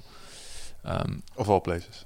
ja, Almelo. Ehm, en hij, eh, we, praten over wat dingetjes. Hij zou komen spreken in mijn kerk als ik, als ik zondag, toen ik zondag weg was. En in één keer zegt hij, echt een oude Indo is? Hij zegt, zo Christian, dus jij gaat naar de Antillen, naar waar jouw vrouw gewoond heeft, om daar de Heer te dienen. Dus ik zeg, ja, nou ja, daar zijn we inderdaad mee bezig. Ik zeg, hoe weet u dat? De Heilige Geest heeft me dat geopenbaard, zegt hij. Echt met zo'n stem. Ehm, en ik wist dat hij dit soort dingen... eh, ik heb, mijn moeder heeft zijn biografie geschreven. En ik, het staat vol met dit soort verhalen. En ik weet dat het geen geintjes zijn. Hm. Die kerel verstaat echt. Hoe heet deze man? Dus deze biografie is te vinden? John Lefeu heet hij. John hij is Lefeu. al, hij, hij is, eh, dat, dat, dat vertel ik zo. Dit is de allerlaatste keer dat ik hem sprak. Binnen, Jij- leeft niet. nee, nee? binnen twee maanden... Twee, eh, nee, binnen twee weken of een maand was- is die man dood. Ik heb hem nooit meer gesproken. Dat was het allerlaatste wat hij tegen me zei. Ehm, Hm. Hij is gevonden op zijn knieën op eh eerste Pinksterdag. eh biddend in de badkamer. Eh, 77 jaar. Hij heeft een soort bijna een staatsbegrafenis gekregen. Politie-escort, uh, allemaal wegen afgezet. Oh, wow. Eh, de begrafenis van net de Efteling. Die stond zo in de rij. Zo, weet je wel, zo'n Hm. cirkeltjes. eh, dat, eh. En hij wist, hij wist echt van niks. Ik heb nog eens gecheckt. Wie, heb iemand hem verteld? Hij wist echt van niks. Mm. Er is nog, nog, ehm, ehm, nog een keer gebeurd, iemand anders. Een soortgelijk verhaal, die ook van niks wist. Die ook God alles verteld had. En dat alles bij elkaar gaf ons zoiets van... Ja, nou, dit moet God zijn. Ehm, dit moeten we doen. Dus was er ook geen twijfel meer mogelijk. Dit, dit gaan we doen. Dus je laat eigenlijk een, een, een succesvolle business achter. Een beetje te vertalen Mhm. voor iets totaal onzekers. Ja, en ik wist ook, ik moet mijn salaris, ik moet, geen- ik moet zonder salaris gaan. Ik moet zonder eh, dingen te regelen. Ik moet gewoon gaan. Ehm, en ehm, ook mijn, de overdracht van mijn kerk, dat ging op zich heel interessant. Eh, ook echt, eh, ja, God zei eh, op een gegeven moment, je moet het nu gaan zeggen dat je weg bent. Iedereen in paniek. M- mijn leiders, zeg maar. En hoe werkt dat? Jan Kerk is hoe- jij bent de voorganger en jij hebt... Ja, we hebben een team. Je doet eigenlijk met een team van leiders. Ja. Maar er is er een beetje eentje die, die gewoon meer tijd eraan besteedt. En die dan een beetje de eerste onder de gelijken is. Maar Ja, het is precies. dus wel een soort gedeelde, gedeelde eh, team, teamwerk, Mm, ja. zeg maar. Ehm, en eh dat is trouwens in elke kerk anders, hè. Eh, maar goed, het bij, ons werkte dat, eh, werkt dat prima. En dat is ook heel bijzonder gegaan. dat ik gewoon midden in de nacht hoor ik een stem toen ik aan het bidden was. Dit gaat gebeuren en de dag erna gebeurde het. Dus toen wist ik ook, oké, zo kan ik de kerk overdragen. Ehm, Zit jij eh, vaak in je hoofd? Eh, neem je heel veel informatie tot je video's, podcasts, boeken? Eh, nou, voel je niet schuldig, dat doen heel veel mensen natuurlijk. Hè, maar vaak zijn we op zoek naar antwoorden. Ehm, gaan we nog meer informatie tot ons nemen. Terwijl ja, de antwoorden liggen toch echt in onszelf. En dat is iets wat we voelen met ons lichaam. Maar vaak zijn we zo erg in ons hoofd bezig ja, dat we dat ook niet meer, dat we daar niet meer echt goed bij kunnen. En dat is graag waar ik je voor uit wil nodigen. Voor Rite of Passage. 24, 25 en 26 mei is er weer een nieuwe editie. Voor mijn retreat voor persoonlijke ontwikkeling. Waarbij het thema echt is om uit het hoofd te komen in dat lichaam. Want dat is waar je alles ervaart. En ik wil dat je gewoon weer in contact komt met, met die, die intuïtie. Ehm, en dan gewoon een heel sterk eh, innerlijk kompas. Dat je gewoon weer weet waar je naartoe moet. Wat je te doen staat. En dat je gewoon weer helderheid hebt over wat je wilt en hoe dat je dat gaat doen. En dat doen we middels eh, bio-energetische oefeningen, dynamische meditaties, een stuk shamanisme zit erin. Het enige wat er bekend is van het programma is dat er een zweethut in zit. Eh, en natuurlijk gewoon hands-on persoonlijk leiderschap. En dit retreat krijgt een 9,2 gemiddelde van meer dan 331 deelnemers. Daar ben ik ontzettend trots op. Sterker nog, er is ook een money back guarantee. Vind je niks na drie dagen, krijg je gewoon je geld terug. Dus het enige risico dat je loopt, is dat je gelukkiger wordt. Klinkt dit als iets voor jou en durf je het aan? Dan zie ik je op Ride of Passage. Ga naar wichertmeerman.nl en klik op Retreat. En wat was dat dan, wat dit gaat gebeuren? Want nou, ik was er gewoon in paniek. Want ik, want ik, God, het, ik voelde gewoon dat God tegen me zei van... joh, ehm, zeg het vandaag tegen je leiders. Dat je, Oh, zo, volgend, dat je volgend jaar weg bent. Hmm. En eh, mijn leiders ook van... ja, die jongens, ja, weet je... die ene zei ik stop ermee. Die andere zei ik wil niet. Oké, het slaat nergens op. En, en die nacht daarna ging, ik- ja, kon ik niet slapen. Ik zei, ja, God, u zegt dat ik moet zeggen. Ik heb geen oplossing. Ik moet over een jaar weg zijn. Ik kan het aan niemand overdragen. De boel kan ook niet inklappen. Dat is ook niet uw stijl. Weet je, dus ik was echt in discussie met God van... dit, dit kan u toch niet maken? En eh, ergens om drie, vier uur s'nachts in één keer heel helder een gedachte waarvan, ja, die ik herken van, nou, dit, dit, meestal is dit God. Ik ga een, eh, een ervaren voorganger eh, van buitenaf brengen, naast het jonge team zetten, hun helpen op hun plek te komen. Dus ik wist, oké, ik word in één keer rustig van binnen, ik sliep in als een rooster. Dag erna sta ik tegenover een kerel die een beetje de leider was van, van, van een hele grote groep kerken. Eh, maar waar ik nooit aan gedacht had, want die is veel te druk en veel te beroemd. En in één keer zegt hij tegen me, Chris, eh, God heeft gezegd, ik moet weer naar een kerk, naar een lokale kerk. Naast het team van jonge mensen komen staan, hun te helpen op hun plek te komen. Woord voor woord zegt hij wat ik die nacht daarvoor gehoord heb. En ik denk van, man, jij bent het. Dus hij, en hij is het nu ook. Dus eh, toen wist ik ook, dit is goed. En toen zijn we gegaan. En ehm, ik dacht, eh, weet je wat, ja. En mensen zijn ons gaan steunen met, met, met bedragjes eh, van 10, 15 euro per maand. Gewoon zulke, zulke dingetjes. En een paar kerken dan, met iets meer. je hebt gecrowdsourced. Ja, ja en no- ja, nog steeds eigenlijk. nog steeds. eh, eh, Nou, dat vind ik wel mooi, dat dat stukje commune Ja. steunen. En, eh, Ja, en dat was ook weer omdat, eh omdat kijk, ehm, ik werd wel gevraagd om, te, om meer te preken in, in eh, meer plekken in Nederland. Ik heb de hele tijd lang nee gezegd. Ik dacht van, ja, ik moet focussen op mijn Zutphen. Maar puur uit een beetje ehm, een financiële nood die we hadden, omdat er was iets niet goed geregeld met mijn overgang eh, qua belasting. Mijn overgang van mijn gewone baan naar voorganger. Moesten we behoorlijk eh, nog wat terugbetalen, zeg maar. Eh, dus uit financiële nood ben ik toen ja gaan zeggen tegen meer van die, van die spreekbeurten in andere kerken en zo. Eh, en dus eh, weer een manier voor mij van hoe God zeg maar, jouw ellende kan omkeren tot iets positiefs. Van, daardoor was ik wat bekender en konden we dit op deze manier gaan doen. Anders was het ook niet gelukt. Mhm. nee. Ehm, en eh, ja, zijn we het eh, gaan... eh, ja, op een gegeven moment gewoon de boel overgedragen. Ticket gekocht met, met drie kinderen dus. Inmiddels eh, een derde kindje erbij, babytje. Ehm, en eh, ik zou, eh, ik zou in de proces bood een voorganger op Aruba bood mij een, een part-time of, of, fulltime baan aan. om mee te helpen in de kerk, zodat ik iets had. Dat ik, eh, dacht, en dat, dat ik financieel iets meer had. Ik dacht, oh fijn, weet je wel, dan heb ik, voel ik me iets rustiger. En hij zou een huis krijgen. Hm. Nou, een paar weken voor we vertrekken gaat het huis niet meer door. Ik had mijn hele boel al ingepakt. En toen ik aankwam, ging die baan niet meer door. Dus in één keer zit je daar. Je zit eh, zonder papier, zonder huis, zonder geld. En drie kinderen. En iedereen zit te kijken, wat gaat, wat gaat die gast doen? En sommigen waren echt ronduit sceptisch. Van, ja, jij verstaat Gods stem niet, jongen. Je bent, eh, je bent echt van het pad af, weet je. Had Ja. je moeten blijven. Dat is dom van je. Hmm. Eh, Dat, maar, dat, eh, dat spraken ze ook naar je uit? ehm, Zijn jullie christenen zo direct soms? nou, laten we zeggen, ehm, er zijn... eh, er zijn christenen die zich gedragen als christenen en er zijn altijd mensen die, ehm, Doen. Of, het niet echt, of het niet echt zijn, zeg maar, en zich tussen de kudde hebben gemengd, of die zeg maar nog lekker onderweg zijn in hun, in hun eh, ontdekkingstocht van Mm, hoe ze eigenlijk... avontuur. Die heb je altijd en dat hoort erbij. Ehm, maar eh, ja, we hebben echt van wonder op wonder geleefd, joh. Maar was je, daar sta je dan, hè? Dan sta je daar met je, eh, met je drie kids. Je vrouw is, is Zuid-Amerikaans. Dat zijn eh, temperamentvolle dames. Die zal zo langzamerhand ook nog wel eens, eens een keer een kritische vraag hebben gesteld. Van, Chris, Nee, Wat ze gaan is wij doen? een- ja, nou, ja. Ze, ze, zij, is, wel- zij is juist wel echt een bemoediger geweest. Oké, betreft. mooi. Zij Ja, er echt fijn. ook helemaal in geloofd. Ja. Ja, hoe moet je het zeggen? Weet je, je zit, je zit eerst in, in, een, in een vakantiehuisje, hadden we eerst. Dat was alles wat we hadden. En, dan moesten we nog een huurhuis gaan zoeken. En dan zeiden nou gaat het nooit lukken, topseizoen, weet je wel. En, en bovendien veel te duur.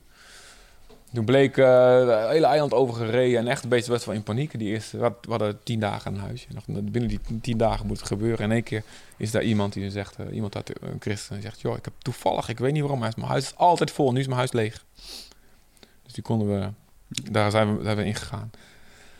Maar er was, eh, die huur was, eh, ja goed, toch wel iets meer als we gewend waren. En ik, voelde echt, God zei, doe het. En toen kwam eh, de tweede maand huur, november of zo, 2014.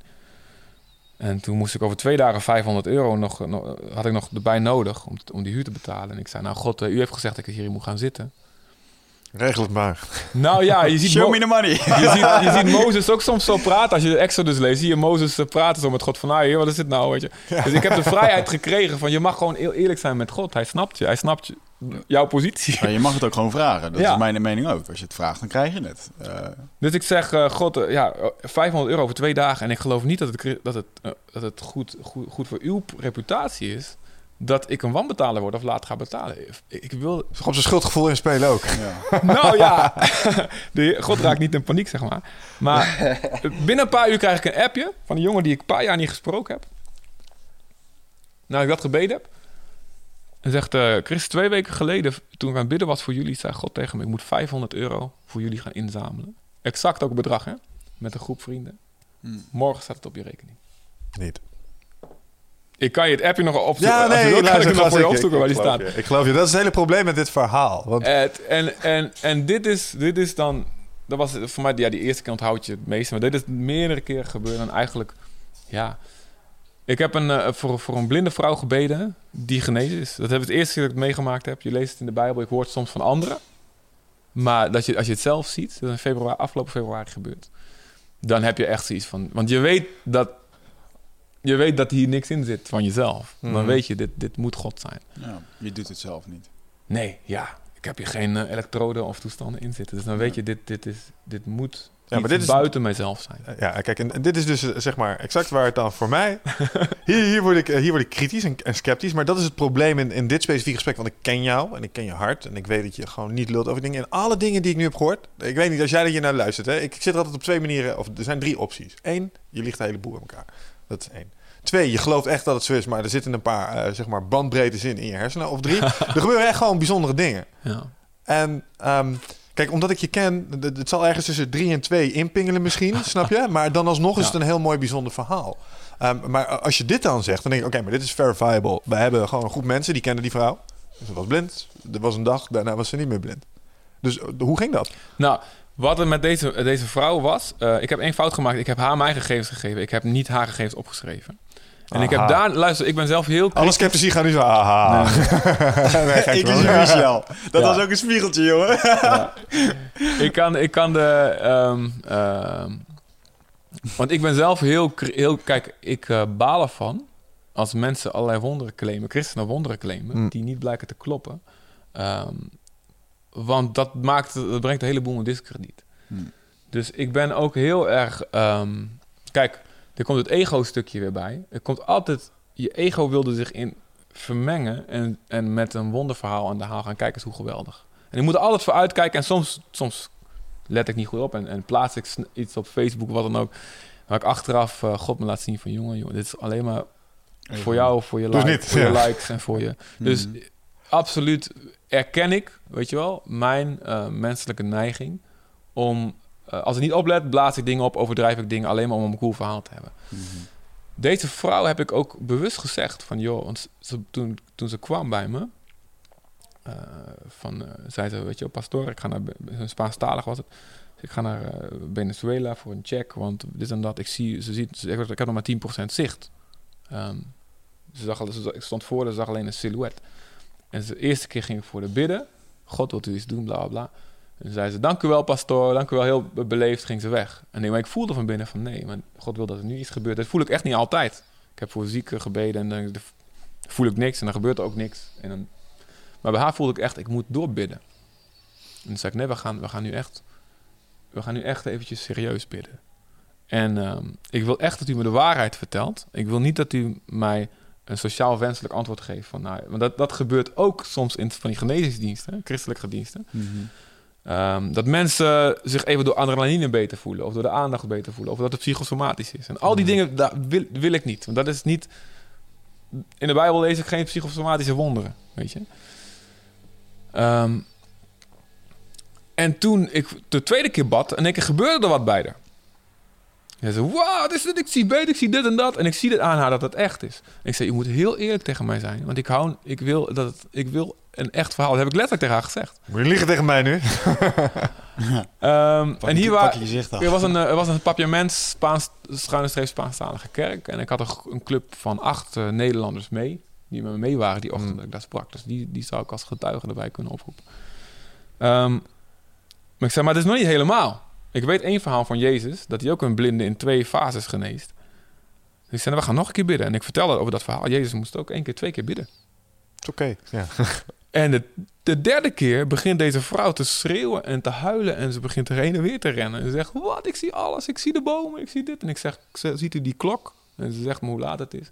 En ik, ik zie dat dit geen, ehm, geen nepheid is. En dat is ook de reden waarom ik dit, zeg maar, durf te zeggen. Eh, want ik, dit is iets waar ik zelf ook van overtuigd echt ben geraakt. Ik Ja. weet dat er dingen zijn, ook binnen de christelijke wereld... ehm, die ook binnen overal voorkomen, die gewoon echt zelfsuggestie zijn. En die ja. door andere verklaarbare factoren zijn. En die, die dingen, ja. Maar zou dat erg zijn? Want al, al zou dit maar een hele, hele extreme vorm van placebo zijn, de benefits voor haar zijn er. Snap je? Als zij echt haar zicht weer terug heeft. En al is het de kracht van zelfsuggestie. Ja, dan cares? is het fijn. Cares, nou, dan is het fijn voor haar. Maar dan, dan, dan zou ik wel ehm, ervan balen. Want dit is niet wat ik. eh, eh, kijk, eh, als ik zulke dingen in de Bijbel lees. En dan Ja. zie- ik Jezus zeggen: joh, dit, ik wil dat dit blijft gebeuren. Mhm. Zodat mensen zien dat het echt is. Zoals die blindgeboren moslimkerel. Waar mijn oma de rest van haar leven en mijn hele familie is blijven geloven. Ehm, dan, dan is dat niet wat ik, wat ik, wat ik, wat Ja. ik vraag van God. Maar zou het niet kunnen zijn dat jij de genezer bent, waardoor God werkt, waardoor jij bepaalde knoppen in haar drukt, waardoor de genezing aankan? dat, ik, Dan- dat ik de placebo-bediening heb, zeg maar. Eigenlijk wel. Maar dat jij, dat, jij de, dat jij het circuit bent waar het doorheen loopt. Ja, En dat omdat, omdat jouw woord zeg maar, op bepaalde knoppen drukt, dat, dat dat ding in haar hoofd zeg maar, reageert, dus haar hersenen. Eh, Weet je, als dat het mechanisme is waardoor, waardoor het heen werkt, is dat dan minder krachtig? Ehm, Ja, Zou, het zou het voor mij een stuk begrijpelijker het, maken. het, het, het, het zou, ja. Eh, Ik zou het jammer vinden, omdat het dan gewoon weer... ehm, Wetenschappelijk eh, te verklaren valt? De exclusiviteit van, van Gods Jezus af is, weer- ja. Ja, laten we dan terugkijken naar, eh, als je het energetisch bekijkt, dat woorden een bepaalde kracht hebben. Ja. Of dat ook, dat Ja. gewoon, oké, laten we het zeggen dat het, ik ben van mening dat woorden eh, ook energetisch kunnen werken op mensen. Dat op het moment dat jij daar jouw ding doet, en misschien doe je dat in andere... Nee, dan is het wel iets bovennatuurlijks. Eh, ja, maar wat is bovennatuurlijk? Dit alles, het feit dat wij hier zitten, is bovennatuurlijk. Ja, dat vind ik Dus op het moment als jij, eh, als, als iemand met een, een handoplegging legt, die, of in andere culturen noemen ze het reiki, andere dingen. We zijn allemaal energie. Dus ik ben wel van mening dat daar er zitten genoeg dingen tussen die wij echt niet kunnen verklaren. Ehm, en dat zulke wonderen dan gebeuren, ja, dat is heel bijzonder.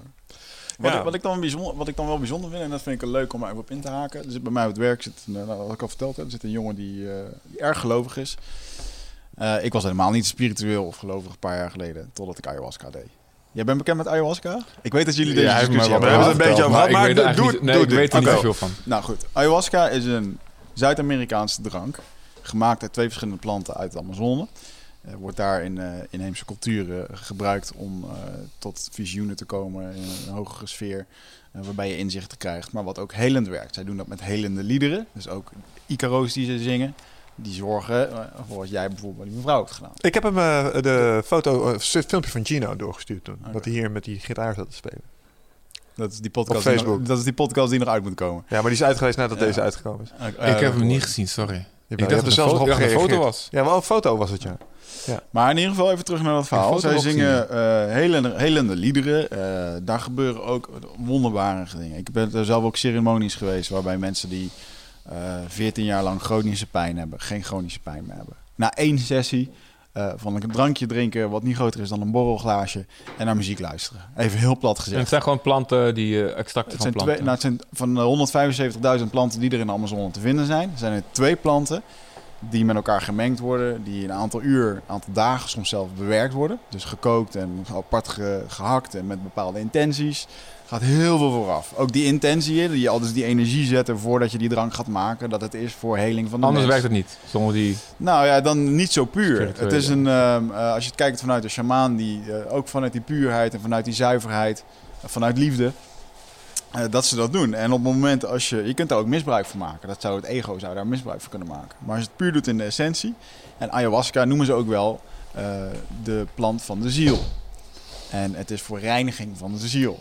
Dus ehm, dat gaat dan ook gepaard met overgeven. Dus je kan bijvoorbeeld... Nou, ik heb al een aantal sessies gehad dat ik eh, eh, ja, een aantal dingen heb uit moeten kotsen. Onder andere eh, de- het, het oordeel naar anderen. Dat letterlijk... Letterlijk, kotst je eruit. let- nou ja, en het mooie is dat het dan dus... Je voelt echt... Je bent echt aan het kotsen, maar je kotst niks uit. Je kotst alleen maar energetische rommel eruit. En je voelt... Oh, er komt niks... er komt niks uit, nee. Oh. Dus dat is heel, heel bijzonder. Anyway. ehm, dus dat is voor mij... Ik zou, ik zou het je eigenlijk toewensen om zo'n sessie mee te gaan. Want dan ben ik ervan overtuigd dat jij acht uur lang in dezelfde sfeer zit... als waar jij toen op je kamertje zat... waarbij je die eerste ervaring had. Zo krachtig is dat.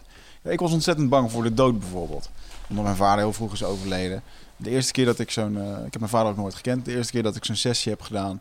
eh, kreeg ik in één keer een, eh, in, die tweede, in de tweede sessie die ik deed, die eerste was een soort van mindblowing, maar ik was nog niet helemaal van wow. Die tweede die was eh, mindblowing. Daar kwam ik in één keer mijn overleden vader tegen. Daar heb ik acht uur lang een gesprek mee gehad. Eh, daar ben ik opnieuw opgevoed. Eh, ik heb alle wijze lessen gehad die ik fysiek niet van mijn vader heb gehad. Oké, je ligt op de grond, zeg maar. Ja. En je ogen zijn dicht. Ja, Je bent oud voor de buitenwereld. Ben nou, je, je bent niet oud, je bent wel bij en je kunt het wel waarnemen. Er is een soort van, je bent gewoon, je bent hier, maar je, bent ook, je kan ook even daar zitten. Er komen dingen in beelden, in, ehm, eh, in gedachten, in stemmen. Eh, het is super intens. En dus inderdaad, als je je ogen dicht doet, dan, dan reis je als het ware door allerlei dimensies of, werelden of wat dan ook heen. Ja, ik heb daar bijvoorbeeld een, een, eh, een rondleiding gehad door het hiernamaals. Wat bij mij zo ontzettend veel begrip gaf over hoe dat het daar is en wat het is. En dat je niet bang voor hoeft te zijn. En dat het zo fijn en vredig voelt. En dat het wat daar dan is, die oneindige landschappen. En het mooie is dat mensen die een bijna doodervaring hebben gehad. eh, dat zijn exact dit soort eh, beelden. Alleen ik heb er dan niet voor een autovrak hoeven zitten. En het mooie was dat ik daarna thuis kwam. Dat ik echt drie weken lang zo op de bank heb gezeten van... Holy shit, wat was dit? Het was voor mij echt niet denkelijk. Ondenkelijk. En het enige wat ik kon denken was... Dat was zo ontzettend fijn daar. Ik wil alleen maar terug. Ja. Ik wil hier helemaal niet Ja. zijn. En nu gaandeweg is dat dan geïntegreerd. Want je, je moet dat ook verwerken. Net als dat jij jouw ervaring hebt moeten verwerken. En nu, vandaag de dag, is die situatie heeft ervoor gezorgd dat die van... Oh, ik wil daar naar terug, het is daar zoveel beter. Heeft me nu tot het besef gegeven van... Joh, dit is echt het mooiste geschenk wat er is. En dat je hier vandaag de dag mag leven. En dat je er iets moois van mag maken. Ja. Ja. En dus voor mij is het ayahuasca een onwijs belangrijke raadgever. eh, het Heb je dat contact één keer gedaan God. of doe je dat vaker? Ik heb het wel vaker gedaan. Ja, Wigert, hoe vaak heb jij ayahuasca gedaan, jongen? 23 keer. Maar dat is eventjes, ik, dat wil ik wel eventjes aanhalen. Heel veel mensen zeggen oh, 23 keer. Laatst kreeg ik nog een keer de opmerking van iemand. Waar ben je naar op zoek? Toen zei ik, nou ja, weet je, ik doe dit nu vier jaar. Ik ga vaak een weekend, dan ga ik drie dagen achter elkaar. Dat zijn drie ceremonies. Dus voor mij, ja, voor mij is het ehm, een raadgever. Het is ook een raadgever die mij op mijn plek heeft gezet toen ik de misbruik van ging maken. Dat ik op een gegeven moment ehm, dat ik er te veel, te veel naartoe neigde dat dat het wel zou oplossen. En dus ik ben er nu van overtuigd dat joh, die, de oplossing ligt altijd in jezelf. De oplossing voor- ligt ook niet in God, ook niet in ayahuasca, ligt in jezelf. Is het voor jou de dingen die je bijvoorbeeld je zegt, ik zag het hiernamaals, ik zag mijn vader. Is dat voor jou iets subjectiefs? Of denk je, dit is objectief, dit is ook echt hoe het is? Dit, dit is voor mij, er is geen spel terug te krijgen. Dit is hoe het is. is hoe het gaat zijn voor iedereen. Dat hiernamaals ook. Nou ja, kijk, dat is een, eh, dan is mijn hele kleine subjectieve mind wil er wel iets moois van maken. Eh, Dan kan ik alleen maar zeggen, ik weet het niet. Maar voor jou gaat het zo zijn, Ehm, denk je. ja, dat, dat weet ik ook niet. Maar voor mij is het het gevoel, ik hoef er niet bang voor te zijn. Ik snap dat er iets hogers is, wat daar de boel prima regelt, of heeft gecreëerd. En wat wij met onze me- menselijke geest en die angst waar we dan in leven, want dat is juist om nou van die angst naar die liefde te gaan. Ja, dat heeft mij daar onwijs bij geholpen. Ja. En dat vind ik super krachtig. En dat, ehm, dat het is gewoon een andere manier om tot eh, de wijsheid te komen die jij hier loopt te zeggen. Want ik ben het met on- on- 90%, nou ik ben eigenlijk met 100% wat jij hier zegt, ben ik het met je eens. Alleen ik benader het op een andere manier. Ik, ja, ik heb dat niet gelabeld aan ja, meneer Jezus of meneer God. Ehm, terug naar waar ik nou eigenlijk naar heel erg naar benieuwd ben. Wat vind je van dit soort dingen? Van dit soort eh, zo'n ayahuasca-sessie, is dat iets, is dat hekserij of is dat, k- ehm, ja, in wat voor Eh, ik, vind het altijd heel vervelend op dit soort punten te komen. Ik ben Indo, ik, ben, ik hou af van, altijd van mensen heel erg blij maken. En, en, ehm, en altijd, zeg maar, mijn ego, zeg maar, hè, is graag gewoon met mensen meepraten en alles goed vinden. Maar hier moet je even streng gaan Hier zijn, mag of je, niet? nee, hey, stand your ground, man. Ik ben er op open. Ja, Ik bedoel, ongezouten. Wat vind je er echt van? Ehm, Ik weet wat je ervan vindt. Wat nou? Ik, hoe, laat me even op een slimme manier proberen te proberen te zeggen. Het zal vast niet lukken, maar. ehm, wat nou als. als, als ehm, kijk, als, eh, als, de Bijbel, als de Bijbel waar is, hè, als wat Jezus zegt waar is, Mhm. als Hij de enige weg is, Mhm. en als, als iedereen op dat punt moet komen, dat je je hand op, op, de, op het hoofd van Jezus moet leggen, je zonde moet overdragen. En, hè, als, dat, als dat echt de enige manier tot God is. ehm, ehm, dan, dan, dan kan het niet kloppen. Het hiernamaals, het gedeelte in ieder geval niet. Mhm. Dus ehm, kijk, ik vind het voor het hier en nu super vet voor jou. Dat, wat het jou brengt. Ehm, en ik weet hier specifiek te weinig vanaf om echt te zeggen: oh, dat is meteen dit en dat. Dus ik, ik wil ook heel voorzichtig zijn met, met meteen er een stempel op gooien. Maar als, da, als, als het jou. ehm, als het jou leidt naar een soort valse gerustheid. eh, dat je stopt met. eh, met het zoeken naar ehm, wie God echt is. Of Mhm. stop met het zoeken naar hoe kan ik eh, vergeving voor mijn zonde krijgen. Dan, eh, ja, dan weet ik, Ja, de- de- daar, neemt, daar neemt de ideologie behoorlijk afscheid van Ja. het christendom. Want Ja. dan gaat het een andere richting uit. En dan, ehm,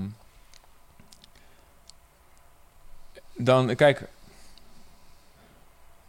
de Bijbel spreekt, over, spreekt ook over, de, over een andere kant die heel, eh, heel slim en heel misleidend kan zijn, zeg maar. En die heel, eh, eh, die, die, de- Jezus zegt, of Paulus zegt van ja, de, Satan kan zich zelfs voordoen als een engel van het licht. Mhm. En mensen kan leiden op wegen die enorm goed lijken. Maar het einde daarvan,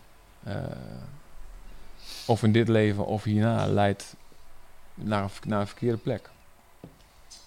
Ja, dat is wel gewoon, ja, de gedachte die ik ervan krijg vanuit wat ik, eh, Mhm. van, vanuit hoe ik, hoe ik God heb leren kennen, van hoe ik eh Bijbel had leren kennen. Ja.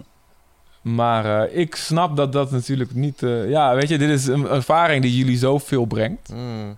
En die bijna, bijna, bijna heilig, Ja, maar heilig dat, dat is misschien ook wel waarom... ehm, Dus daarom, ik vind het nooit leuk om te zeggen, maar ik weet ook... Ja, ik... ik, ik Nou, ik wist je stand. Ik zal ik je uitleggen hoe ik je standpunt ken? Ik heb dit verhaal een keer verteld.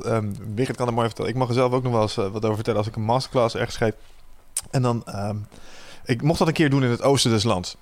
En, en nou, je Een weet- masterclass wat? eh, eh, persoonlijk leiderschap, effectiviteit. Gewoon praten over hoe je je tijd goed kunt in een stukje vitaliteit.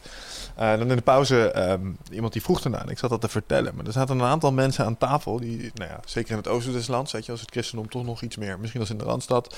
Eh, en die zat naar te luisteren en hij zei, ehm, hij is echt een, een christen zoals jij een christen bent, zoals ik ze ken, zeg maar. Mensen die echt oprecht het beste met je voor hebben. Hij, hij beluistert, hij zegt, dit zijn echt hele mooie thema's waar je over spreekt, maar ergens vind ik het ook zorgwekkend. En ik wil je eigenlijk graag uitnodigen om eens een keer te komen praten met, en dat was dan eh, nou, eigenlijk een soort voorganger, zoals jij ook iemand die later van atheïsme tot geloof is gekomen en een soort dorpsouds is geworden.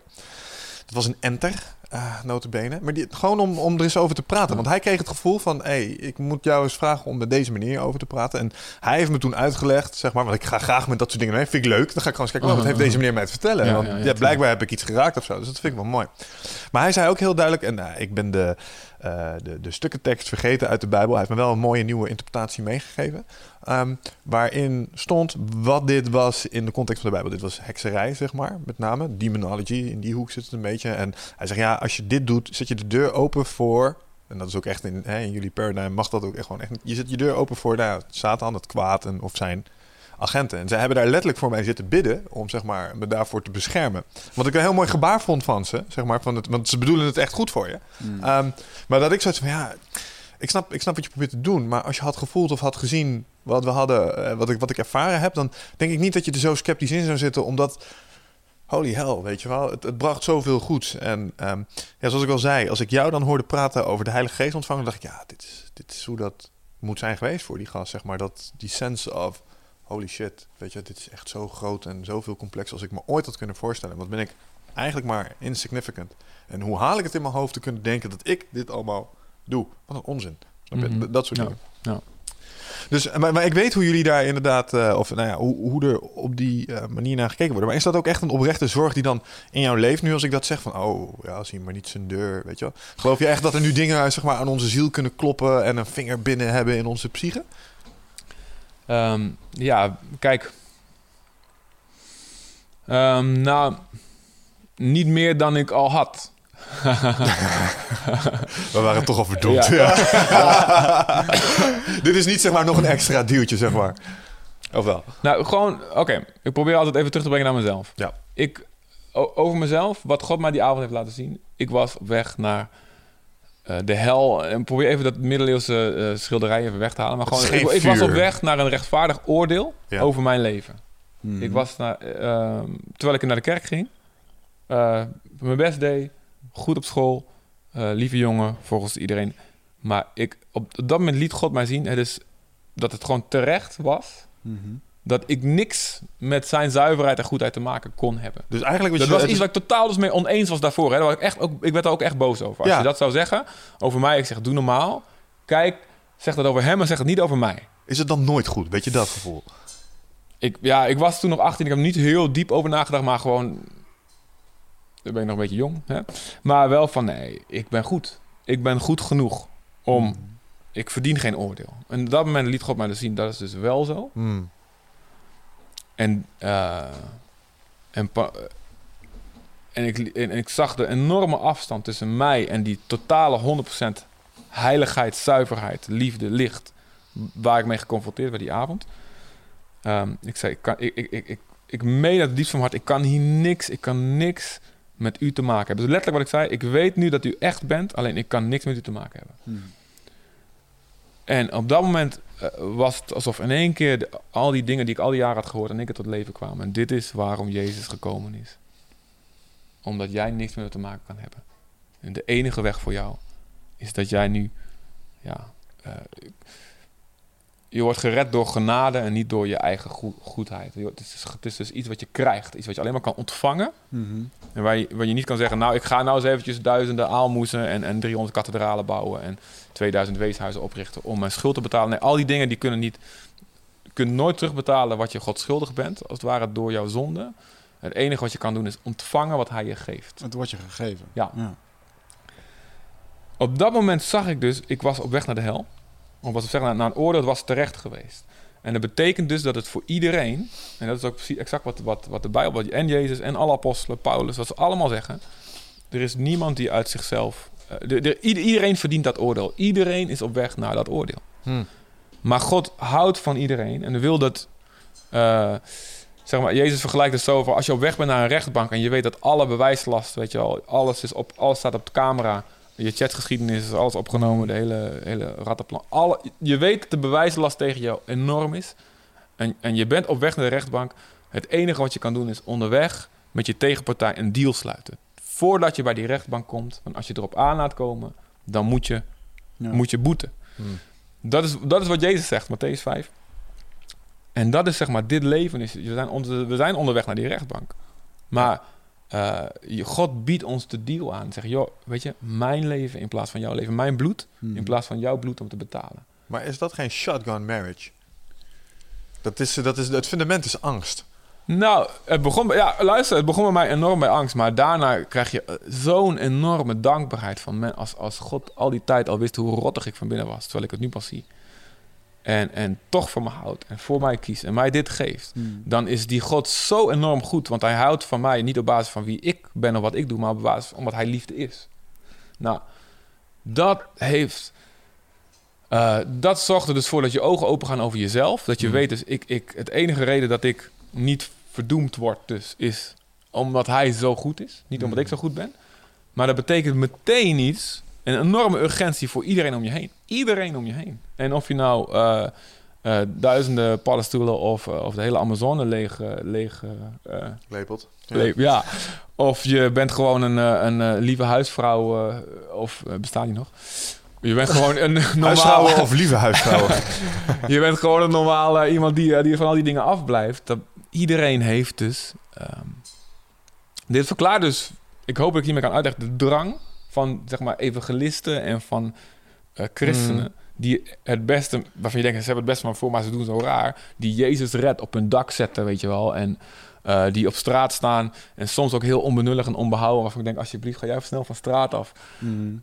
Ehm, de oprechte ervan. Kijk, je hebt ook minder oprechte. Eh, helaas ertussen. Tevangelisten. Ja, Ja, dit is dus- Maak dit is 200 dus- dollar dat is dus- over. Dat is dus Ja. verschrikkelijk, weet je wel. Dat, dat, dat vind ik echt, dat kan ik echt van in elkaar, eh, in elkaar eh, krimpen. Omdat het, dat het zo, het de mensen dus afschrikt en wegjaagt. En, Ja. en de- een voordeel bevestigt. Mm. Maar dit, dit is dus de drang die ik heb om mijn hele leven hiervoor in te zetten. En waardoor al het andere, ik heb daarna gestudeerd. Maar weet je, het was gewoon, het was gewoon niet interessant meer. Het enige wat, wat ik wou doen met mijn leven en nog steeds wil doen, is ik moet deze mensen redden. Nee, ik kan ze niet redden, maar ik, ik moet ze zorgen dat ze zich laten redden door Jezus. Ja. Weet je wel? Mhm. Eh, en, en, en alles, en dan kan je, van, dan kan je atheïst zijn of, of, of een andere religie aanhangen, of een christen zijn in naam, maar gewoon ja, niet in je hart. Mhm. Dan iedereen moet, moet eh, ja, Hmm. ik weet ook dat ik dat niet kan doen. Dan moet Gods kracht bijkomen. Die, die openbaring, die de ogen moet openen. Weet je? Maar ik, ik kan daar wel een, een instrument voor zijn. En ehm, dat is... eh, ik weet ook dat het een super impopulaire boodschap is. En eh, ik heb het vaak genoeg meegemaakt. Weet je, dat de deur in één keer dicht ging. Niet letterlijk, maar gewoon bij mensen. Maar... ehm, dit, dit is ja, dus, dus daarom, daarom zeg ik, ja, het, maak, laat me niet meer zorgen maken dan dat ik al had. Joh, iedereen, ik wou, ik wil nog steeds, ik wil dat iedereen op dat punt komt van, joh, weet je man, ja, ik heb dit nodig. Ik, Mm. ik, ik- omdat, eh, ja, de eeuwigheid komt voor iedereen dichterbij. En ik weet wat er gaat komen. En ik Ja. weet, weet je, ik heb een deal gesloten. Ja. Ehm, nu, de rest van de mensheid AUB nog. Ik vind het wel mooi hoe jij hier... eh, ik zie dat je echt in je, in, in je overtuiging zit, in dat geloof. Het doet mij helemaal niks, omdat ik mijn eigen... In de zin van, het, ehm, ik heb zo'n sterk... Ik weet gewoon wat ik geloof. Jij zit in diezelfde ik- overtuiging. Ik zit in diezelfde ja, ja, overtuiging. ja. En ik denk eigenlijk, joh, wat jij hier eh, zegt... Oké, had dan die situatie die daartoe bracht. ik krijg daarmee. Maar hey, onderaan de streep zijn we gewoon exact hetzelfde aan het doen. En Dat denk ik zelf ook, eerlijk gezegd. dat is gewoon... Ja. Ik heb hier helemaal niet een van... Oh, eh, misschien doet het een of ander... Ja. Of het is, Weet je wat het probleem is met, met het christendom? Ik geloof echt in de, in de kernboodschap, die van liefde, die van vergiffenis. Weet je wel, Eh, eh, iedereen is gelijk, heb elkaar lief, probeer elkaar niet te vermoorden alsjeblieft. Weet je wel, dat soort dingen. Prima, helemaal top. Doe je best. Doe Moet je best. ja, moet je vooral doen. Ehm, alleen er zitten een aantal, zeg maar, als je, als je- die boodschappen die kun je overnemen, maar als je het hele geschrift letterlijk gaat interpreteren, dan kom je gewoon in de problemen. Want dan moet je gaan nitpikken. Je kan de Bijbel als in zijn totaal, wat bestaat uit meerdere geschriften, kun je niet letterlijk nemen op sommige dingen. Weet je, als wij even als twee rationele mensen met elkaar in discussie gaan over de, bijvoorbeeld de tijdslijn die de Bijbel schetst. 6000 jaar zou deze planeet zijn. Nee, nee, snap je? Da- Daar kunnen we, daar kunnen we als modern mens kunnen we niet meer met elkaar zeggen dat dat niet zo is. Snap je? Als we kijken naar de bewijslast die er ligt. Dinosauriërs, weet je wel, eh, die dingen zijn gevonden. Die discussie hebben we wel eens gehad. En dan zeg jij van ja, dat is er neergelegd om je geloof te testen. Nee, nee, nee. nee. Weet je wel? Nee, nee. Ik heb, nee, dat is niet waar. Nee, dat is Ik dat, heb, ik, heb ik heb gezegd, er zijn ook theologen die dat zeggen, Juist. maar dat vind ik onzin. Dat heb ik gezegd. Oké, dat is goed. Wat, wat is dan de mening over de oudheid van de aarde? Misschien, nou, ik weet niet, is dat je wat je vertellen? Nee, die denken dus echt letterlijk, als je de Bijbel letterlijk neemt, dat die 6000 jaar oud is. Nou, Ja. dan, dan staan er nog wat dingen in eh, over bijvoorbeeld homoseksualiteit. Waar we als moderne mensen ook iets van kunnen vinden. En het probleem daarmee is dus dat we op een gegeven moment, en naarmate wij, en dat is misschien die historische eh exegese waar we het over hadden, naarmate wij als maatschappij vorderen, gaan we ook anders met die spelregels om. Denk je dat dat terecht is? Of moeten we echt krampachtig in sommige gevallen blijven vasthouden? Ja, maar het staat er echt. En liggen met de man is als een gruwel. En dus alle homo's naar de hel. Weet je, of kunnen we gaandeweg ook tot de conclusie komen... Nou, misschien was dat in de tijd... Snappen we dat dat daar is neergezet. Maar tegenwoordig moeten we daar anders mee omgaan. Zit die lenigheid erin? Want dat is het grote probleem wat ik heb met het, met het christendom. Hè? Dat er dat soort dingen in staan. Noah's Ark, daar zitten ook gaten in. Niet letterlijk, ik want hoop- anders was er niks het meer. Ja, maar je snapt wat ik zeg. Ik zag trouwens dat in Amerika opnieuw gebouwd is ergens. Ja. Nu als Ja, pretpark. een eh. Flinke boot. Maar Ja. snap je wat ik bedoel? En Mag je die lenigheid erin hebben? Of zeg je nee, sorry, dat kan echt niet. Ja, wat heel veel mensen niet snappen is het verschil tussen het Oude en Nieuwe Testament of verbond. Mhm. Eh, testament is een Latijns woord voor verbond gewoon. Ehm, en dat sommige dingen dus eh, voor nationaal Israël bedoeld waren in die tijd. Eh, dat, dat staat er ook bij. Oké. Eh, en eh, die gaan dan één op één overzetten naar deze tijd. Hè? Eh, en, eh, maar de Bijbel zegt van, je weet je, het oude verbond was een soort opvoeder. Totdat eh, in de tijd dat, dat ja, het, het allemaal nog in de kinderfase was. Hmm. Tot het echte gekomen is. En vanaf Jezus, dat is, dat is de echte realiteit. Voor al die offers en al die feesten, die doen wij dus niet meer. hè. Ik slacht geen schaapje meer eh, op mijn balkon en alles. Met, Nee, Ehm, niet regelmatig in ieder geval. nee, nee, nee. Nou goed, ja, misschien. eh, Eens eh, bij een volle maan. ik Moet je hem ook boven je mis wel hoofd een zwaaien goeie- aan ik zijn mis wel, staart. ik mis wel een goede shawarma tent op Aruba, dus misschien komt het er ooit nog wel van. Gat in de markt. Maar ehm, Trouwens, perfecte samensmelting tussen christen en moslimcultuur misschien. Dat je dan als christen daar een shawarma tent opent. Dat zou wel mooi zijn. ja, ik, eh, Multicultureel centrum. ik heb ook wel, eh, ik, ik heb ook wel misschien het uiterlijke voor me. En eh, ehm, wat was, ik, wat was ik aan het zeggen? Ja, weet je dat, eh, dat het, de echt, het echte ding is met Jezus gekomen. Ehm, lenigheid, dus, dus lenigheid over wat precies. Kijk, er staat in je moet jezelf besnijden, maar dat heb ik. eh, Niet gedaan. ook nog niet gedaan. En ook nog niet van plan. Wel bij mijn zoon trouwens. Ging best oké voor een eerste keer. Nee, maar oké, dat is dus... eh, ja, ik heb... Nou, moet ik wel ja, wat meer oefenen. Ja. Ehm, dus ehm, dat is wel belangrijk, omdat dat, dat als buitenstaanders niet veel van de Bijbel weten naar Mhm. kijken, dat je, dat je dat een beetje... ehm, een beetje basics van gaat weten. Ja. Maar laten we dan even de, de hartjes op bijvoorbeeld homoseksualiteit. Kan het wel of kan het niet als je de spelregels van het christendom eh, hanteert momenteel in deze moderne maatschappij? Vroeger was het een no-go. Nu? Ehm, nou, ik, eh, ik eh, heb. ehm, het is natuurlijk een super hot issue nu. En je hebt echt. Kijk, ik moet zeggen, elke keer als het hierover gaat, dan heb je wel het gevoel dat je voor de Spaanse Inquisitie zit als christen tegenwoordig. Want dit Ja, is, dit is het terecht. We zitten nu heel streng naar je Dit te is kijken het ook. ding waar, het, eh, waar je, je orthodoxie op getest wordt. Ben je Ja. nog wel recht in de leer wat betreft homo's. Ehm, Ja, is dat zo? Is dat een soort. eh, nou, ik voel het wel zo dat dit is zeg maar, dit is echt een taboe onderwerp en iedereen vindt het heel cool om te zeggen ik ben makkelijk. politiek incorrect, maar dit is echt politiek oncorrect en Ja, dat het is dat, ook makkelijk om iemand daarop te pakken als Ja. hij niet goed in zijn woord is. Of, eh, ja. Ja, je- en dat zie je dus ook gebeuren, weet je wel. Nou, je ziet dat, dat de, de tegenpartij, de oppositie, dat die... De atheïsten die het christendom nou, proberen te atheïst, weet je, Ja, ja, ja. eh, dat die... Het is de moral high ground. Dit is zo makkelijk om te pakken. Ja, je gaat hier ook... Ja, nu homoseksuelen zijn toch gelijk, Ja. weet je wel. Ja. Hoe kun je Ja. dat nou vinden, jij domme... Ja, ik snap Ja. wel wat ik doe, maar... Nou, laten we, laten we gewoon hoe, ik het, hoe ik het zie. En ik heb. ehm, ehm, ja, ik heb. eh, ik, ik wil niet zeggen vrienden. Ik heb in ieder geval één goede vriendin, weet je wel, die het ook is. Ehm, ik kan er goed met over praten. En. het, het, het, het ding is, wat de Bijbel heel duidelijk leert, is we, we moeten houden van iedereen op zo'n manier dat je dus je leven wil inzetten voor die ander. En dat geldt voor hoe die persoon eh, ook leeft, hoe die ook anders kiest, wat voor religie die ook heeft. Ehm, ik, ben op, ik word opgeroepen om mijn leven in te zetten om een jihadist die mij wil opblazen, Mm. waar mijn familie wil neerschieten, te redden. En om hem eh, niet alleen voor nu te redden, maar ook voor de eeuwigheid te redden. Snap je? Dus dat is, ehm, eh, dat is één ding, voordat je er wat dan ook zegt, wat, wat, wat mensen moeten begrijpen van echte christenen. En iemand die dus in, in harte, met een harteloos eh, oordeel spreekt over wie dan ook, heeft het hart er niet van begrepen. Ehm, en ik denk ehm, dat, dat, ja. Maar dan, ik geloof wel dat, dat God ehm, ja, de mensen gemaakt heeft met een soort, met toch een gebruiksaanwijzing.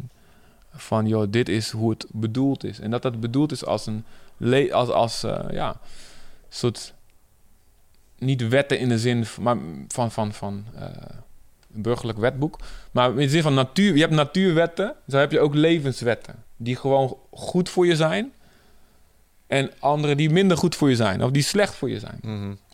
Ehm, en ik denk als we het op die manier gaan zien van... weet je, dit is, dit is een liefdevolle vader die ons gemaakt heeft. En die wil dat het goed gaat met, met jou als individu. Maar ook het, die ook naar het collectief kijkt. Die kijkt, hey, wat is goed voor het collectief? In die zin denk ik wel, eh, ja... ehm, man en vrouw passen bij elkaar. Fysiek, Mhm. ehm, Nou, je hebt ze nodig voor, psychologisch, voor propagatie van de soort. biologisch, collectief gezien, weet je wel? Maar ik, ik snap ook heel goed hoe mensen... want sommige mensen geboren zijn eh, of, of ja, andere dingen voelen. Eh, soms kiezen en soms dat het van Ja. jongs af aan heel erg erin zit. Dat snap ik ook heel erg goed. En zou dit ook niet zo'n ding kunnen zijn geweest dat geschreven is voor de toen de tijdse Israëlische staat, zeg maar? Of is, eh, staat die disclaimer niet bij deze specifieke? Nee, dit is, dit, is wel, dit is wel iets waar ook... eh, Vanuit waar- een seksueel gezondheidsperspectief zou ik het kunnen snappen, bijvoorbeeld. Paulus zo. over spreekt. Hè? Maar ehm, kijk, ehm, het, het, het, het is nu zo'n hot issue, omdat de maatschappij natuurlijk de laatste decennia helemaal de andere kant op is gegaan. En, en de christenen blijven gewoon waar ze waren. Rechtlijnig. Maar kijk, het zou het zo. eh, ehm, ik snap, heel- kijk, er is, er is natuurlijk een verschil tussen mensen die, die, eh, die echt in, eh, in, een, in een monogame, oprechte homoseksuele relatie leven. Ehm, die hebben een hele andere, die hebben een hele andere, hoe zeg je dat? Die hebben daar echt de intentie. Die hebben niet de intentie om, weet je wat, we gaan eens eventjes Het zit hem in het vrijpostigheid die geassocieerd wordt met dat het. kijk, nou, Ja, volgens mij wel. Volgens mij is dat de kern van het verhaal. Die, Het- die, die het gasten doen het met alles en iedereen is het, is het vrijpostigheid is het, dat, wat, wat ik wil zeggen is, dat geldt natuurlijk ook voor heteroseksuelen net zo goed. Ik wou het zeggen. Ehm, en Jezus die zegt al van, eh, wat jij al net aanhaalde... en wat je dus blijkbaar heel goed onthouden hebt... is, eh, Jezus zegt... je bent zo trots op jezelf, zegt tegen de fariseeën... dat je geen overspel pleegt. Maar eh, ik zeg jullie, als God in het vlees... in me- mens geworden God... Hmm. Ehm, dat als jij met je ogen al met begeerte naar een vrouw kijkt, heb je net zo goed met haar overspel gepleegd. Dat is net zo onzuiver. En dan moet je net zo goed vergeven voor krijgen. Dat soort dingen zei die allemaal. Ja. Om ze tot wanhoop te dreigen van kijk eens, je denkt dat je zo geweldig bent, maar dat valt best mee. Elke man met een internetverbinding die hier nu naar luistert, denkt... ja, het zal allemaal best wel, maar dat... eh, Ja, nou, en, en dat is dus wel ook een, eh, een ding waar, ehm, waar, waar God ons oproept tot te, te leven in, tot zuiverheid. Maar weet je, ehm, ik, ik geloof dat je, wij kunnen pas leven zoals God het echt wil. Mhm. En dus daarom, ik, ik, ik wijs ook niet met de vinger naar al die mannen met internetverbindingen. Ehm, want ik snap dat het ook voor mijzelf was het, was het absoluut onmogelijk om hier zuiver in te leven. En ik had ook zoiets van, ja, weet je, dank je de koeken, dat gaat dus nooit lukken. Dit is totaal, totaal onhaalbaar. Maar is dat ook Het gezond? is pas onhaalbaar. Nou, ik leef, ik leef sinds, sinds ja, me ik toen leerde kennen, Mm. leef ik zo. Ja. Ehm, en eh, het is voor mij pas haalbaar geworden. Vanaf het moment dat, ik, dat, dat God mij van binnenuit heeft veranderd. Zeg maar, de, wat de Bijbel noemt, de vervulling met de Heilige Geest. Dat je echt, Mm. ik heb een, echt een nieuw hart gekregen. Ik keek daarvoor, ik ging uit, ik, ik versierde meiden. En eh, het was, eh, ja... ehm, het was al, ik ging discussies aan in de kerk met, met de jeugdleiders. Van waar, waar, waar slaat het op? Geen seks voor het huwelijk, dat is Ja. onzin.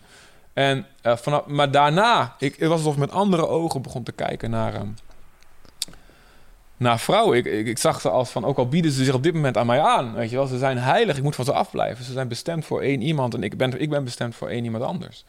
Ja, En- denk je dat dat echt zo is? Dat heb ik van, ja, absoluut. Eh, dat, daar ben ik op dat, vanaf dat moment, eh, dat heeft mij geleerd van vrouwen af te blijven. Van dat, en ik heb, ben gestopt met, met, met, met hier en daar alles maar uitproberen. En heeft er ook voor gezorgd dat ik nu een huwelijk heb, weet je, wat zo ontzettend waar het vertrouwen totaal. We hebben absoluut vertrouwen. Ik bedoel, ben nu een week eerder als mijn vrouw in Nederland en zij weet dat ik met geen, dat ik voor geen seconde in mijn gedachten of wat dan ook bij een andere vrouw ben, wat er ook gebeurt, weet je wel. Ze weet dat, dat ze kan mij, eh, ze kan mij de hele nacht op het internet alleen laten, want er gebeurt, er gebeurt gewoon niks. En dat is zo goed voor je huwelijk en het is zo goed voor onze kinderen. En in die zin denk ik, weet je, ja, dit is wel wat God voor iedereen wil. Maar het is pas haalbaar als je opnieuw wordt geboren, als je dat nieuwe hart krijgt. Een bo- je, krijgt je krijgt echt, ik heb echt ervaren, ik heb een boven natuurlijk nieuw hart, een nieuwe geest gekregen Ja. die ehm, verleidingen kan weerstaan. Wat daarvoor onmogelijk is. Dus daarom, en de Bijbel zegt dus ook: het is, de christenen mogen de wereld niet oordelen. Want, eh, maar alleen de mensen die zich christen noemen, ja. over die moeten wij ook niet veroordelen van boven staan. Maar die, die, alleen, Hoog- geen alleen, hoogmoed. Hm? Geen hoogmoed. Nee, want wij zijn geen haar beter dan, dan, dan de wereld. Het is alleen omdat God ons veranderd heeft. Ja. En we zijn ook geen haar beter dan een christen die struikelt en domme dingen doet. Aha. Dus als ik iemand zie, als ik een christen zie die er een potje van maakt, dan ook nog ga ik niet boven hem staan. zeg ik, joh, weet je, eh, de enige, enige taak die ik nu heb is helpen. Ja. Maar wel, ehm, wij zijn geroepen tot een zuiver leven. Ehm, in, in, in woord en gedachten. Denk je niet dat, dat, daar soms een bepaalde krampachtigheid uit voortkomt die eh, zorgt voor eh, later instabiele situaties? Even voorbeeld. Het, het grapje dat ik eh, graag tegen een christen maak van als je geen seks hebt voor je huwelijk, wat je eigenlijk doet, dus je koopt een paar schoenen zonder dat je ze gepast hebt.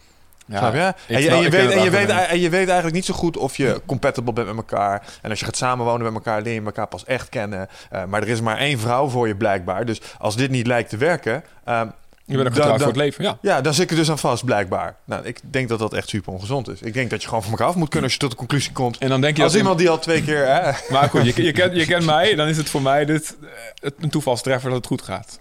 In jouw gedachten. ja, het werkt wel. Want ik, ja... Ja, Ja, ja. Er, is geen enkele bekrompenheid of krampachtigheid wat mij betreft, wat mij betreft daarbij. Ik voel Nee, me maar, ja, heel maar ben relaxed. jij wel heel, heel. Maar er zijn En- ook voorbeelden te noemen waarbij mensen omwille hiervan, zeg maar, van ja, je hebt een vrouw voor je leven, eh, bij elkaar blijven, eh, die eigenlijk niet echt heel erg gelukkig zijn. Hè, we hadden het daar straks over homoseksualiteit. Ik, ik denk dat er een heleboel mensen eh, in een soort verborgen in de kast hebben geleefd een hele leven lang, omdat ze omwille van God niet bij een vrouw weg wilden. Ja, of dat nou heel gezond voor je is, I don't know. Snap je? Ja, ik geloof, ik geloof dat, je, dat wij veel meer... ehm, ja, we maken onszelf heel gauw een slachtoffer van... Ja, ik kan er niks aan doen dat ik verliefd werd op mijn secretaresse, weet je wel. Dat gebeurt me gewoon. Ik denk, ik, ik heb En dat ik er vervolgens op het bureau van de directeur. Ja, dat ik gebeurt gewoon, wel. Eh, ik denk, dat ik, eh, ja, kijk, dit is ook iets waar, wat ik met de tijd heb geleerd. Ehm, ik weet nog dat op een gegeven moment zat ik bij zo'n christelijke, een soort seminar, wat heel, heel goed in, Arnhem. En dat iemand, eh, iemand me zei, joh, je kunt niet zeggen, jij maakt me boos. Ik word boos door jou. Nee, je hebt altijd, je hebt altijd de controle, je hebt altijd de keuze. Ja. dacht ik van, nou, heb ik, echt, ik werd boos daarop. Zij maakte me boos. Die dat zei, die een vrouw die dat zei. En, maar daarna heb ik er veel over nagedacht. Ik van, jongen, ik kan dus niet meer mijn vrouw de schuld geven. Ja, dit klopt wel. Ja, ik ben altijd verantwoordelijk. Ik kan, ik kan het. Ik- Ja, is dat en, ehm, en het geldt dus ook voor, voor je, je seksualiteit. En ik, ja, Ik kan wel zeggen, ik ben een man. Ik moet, eh, weet je wel... Ja. Nee, ik kan, ik kan dus... eh, de Bijbel roept mij, niet jullie. Mhm. Want je hebt Jezus nog niet zo leren kennen. Maar ik, die die, die ervaring heb gehad, weet je wel. Ik, de Bijbel roept mij op om mijn oude mens, dus die ego, elke dag te kruisigen. Elke dag. Ja. Dat betekent niet een offers te brengen, zo van ik ga naar Papua Nieuw-Guinea of Aruba om het woord te verkondigen. Maar ook, ik kruisig mijn vlees door, eh, als mijn vrouw me eventjes eh, geen aandacht geeft een tijdje, dan niet te gaan zeggen, ja, nou moet ik wel naar iemand anders. Nee, ik, ik ben dood. Ik reken mezelf, ik beschouw mezelf als dood om het echte leven te vinden. Ik beschouw mijn eigen, eh, al mijn egoïstische verlangens, al mijn dromen, alles wat ik graag zou willen. Ik beschouw het als dood en overleden, als gekruisigd met Christus, noemt de Bijbel dat. Gekruisigd, ik ben gekruisigd met Jezus. En ik leef alleen nog maar om, om God te dienen. En dat geeft, dat, ja, dat klinkt heel tegenstrijdig, maar dat maakt me knetters blij. Dat Ja, maakt het klinkt dat wel ik, heel ik ben, ik ben, weet je, ik, ik, je hoeft niks meer, je hoeft niks meer te bewijzen.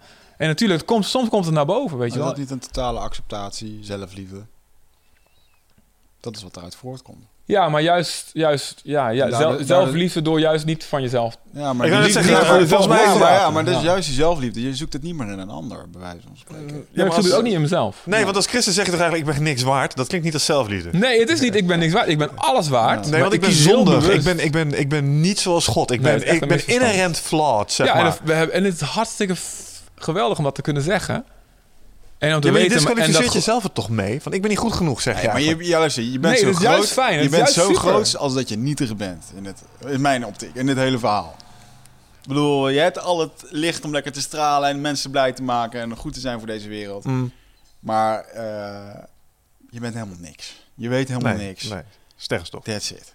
Dus het is gewoon de twee uitersten, weet je. Het is, nou ja, het is, ja, ja, het is inderdaad het, het, het, het erkennen van je eigen zwakheid is heel bevrijdend. Eh, Kijk, het erkennen van je eigen zwakheid is niet fijn in een onveilige omgeving. Als het niet kan. Als, je niet, Mm. als, je, als, je niet, je- als het niet veilig is, dan, ga, dan gaat niemand zijn zwakheid erkennen. Dan gaat niemand zijn fouten kennen, want je wordt ervoor afgemaakt. Hè, dus als ik, als je je twijfels gaat opnoemen, ik heb hier moeite mee, bla bla. En, en, en meteen komen de, de commentaren eronder van, hé, hoe moet je hem zien, wel? Zie je wel, ik wist het wel. Dan, dan zeg je dat niet. Maar bij God is het, bij God is het veilig. Mm. God kent me.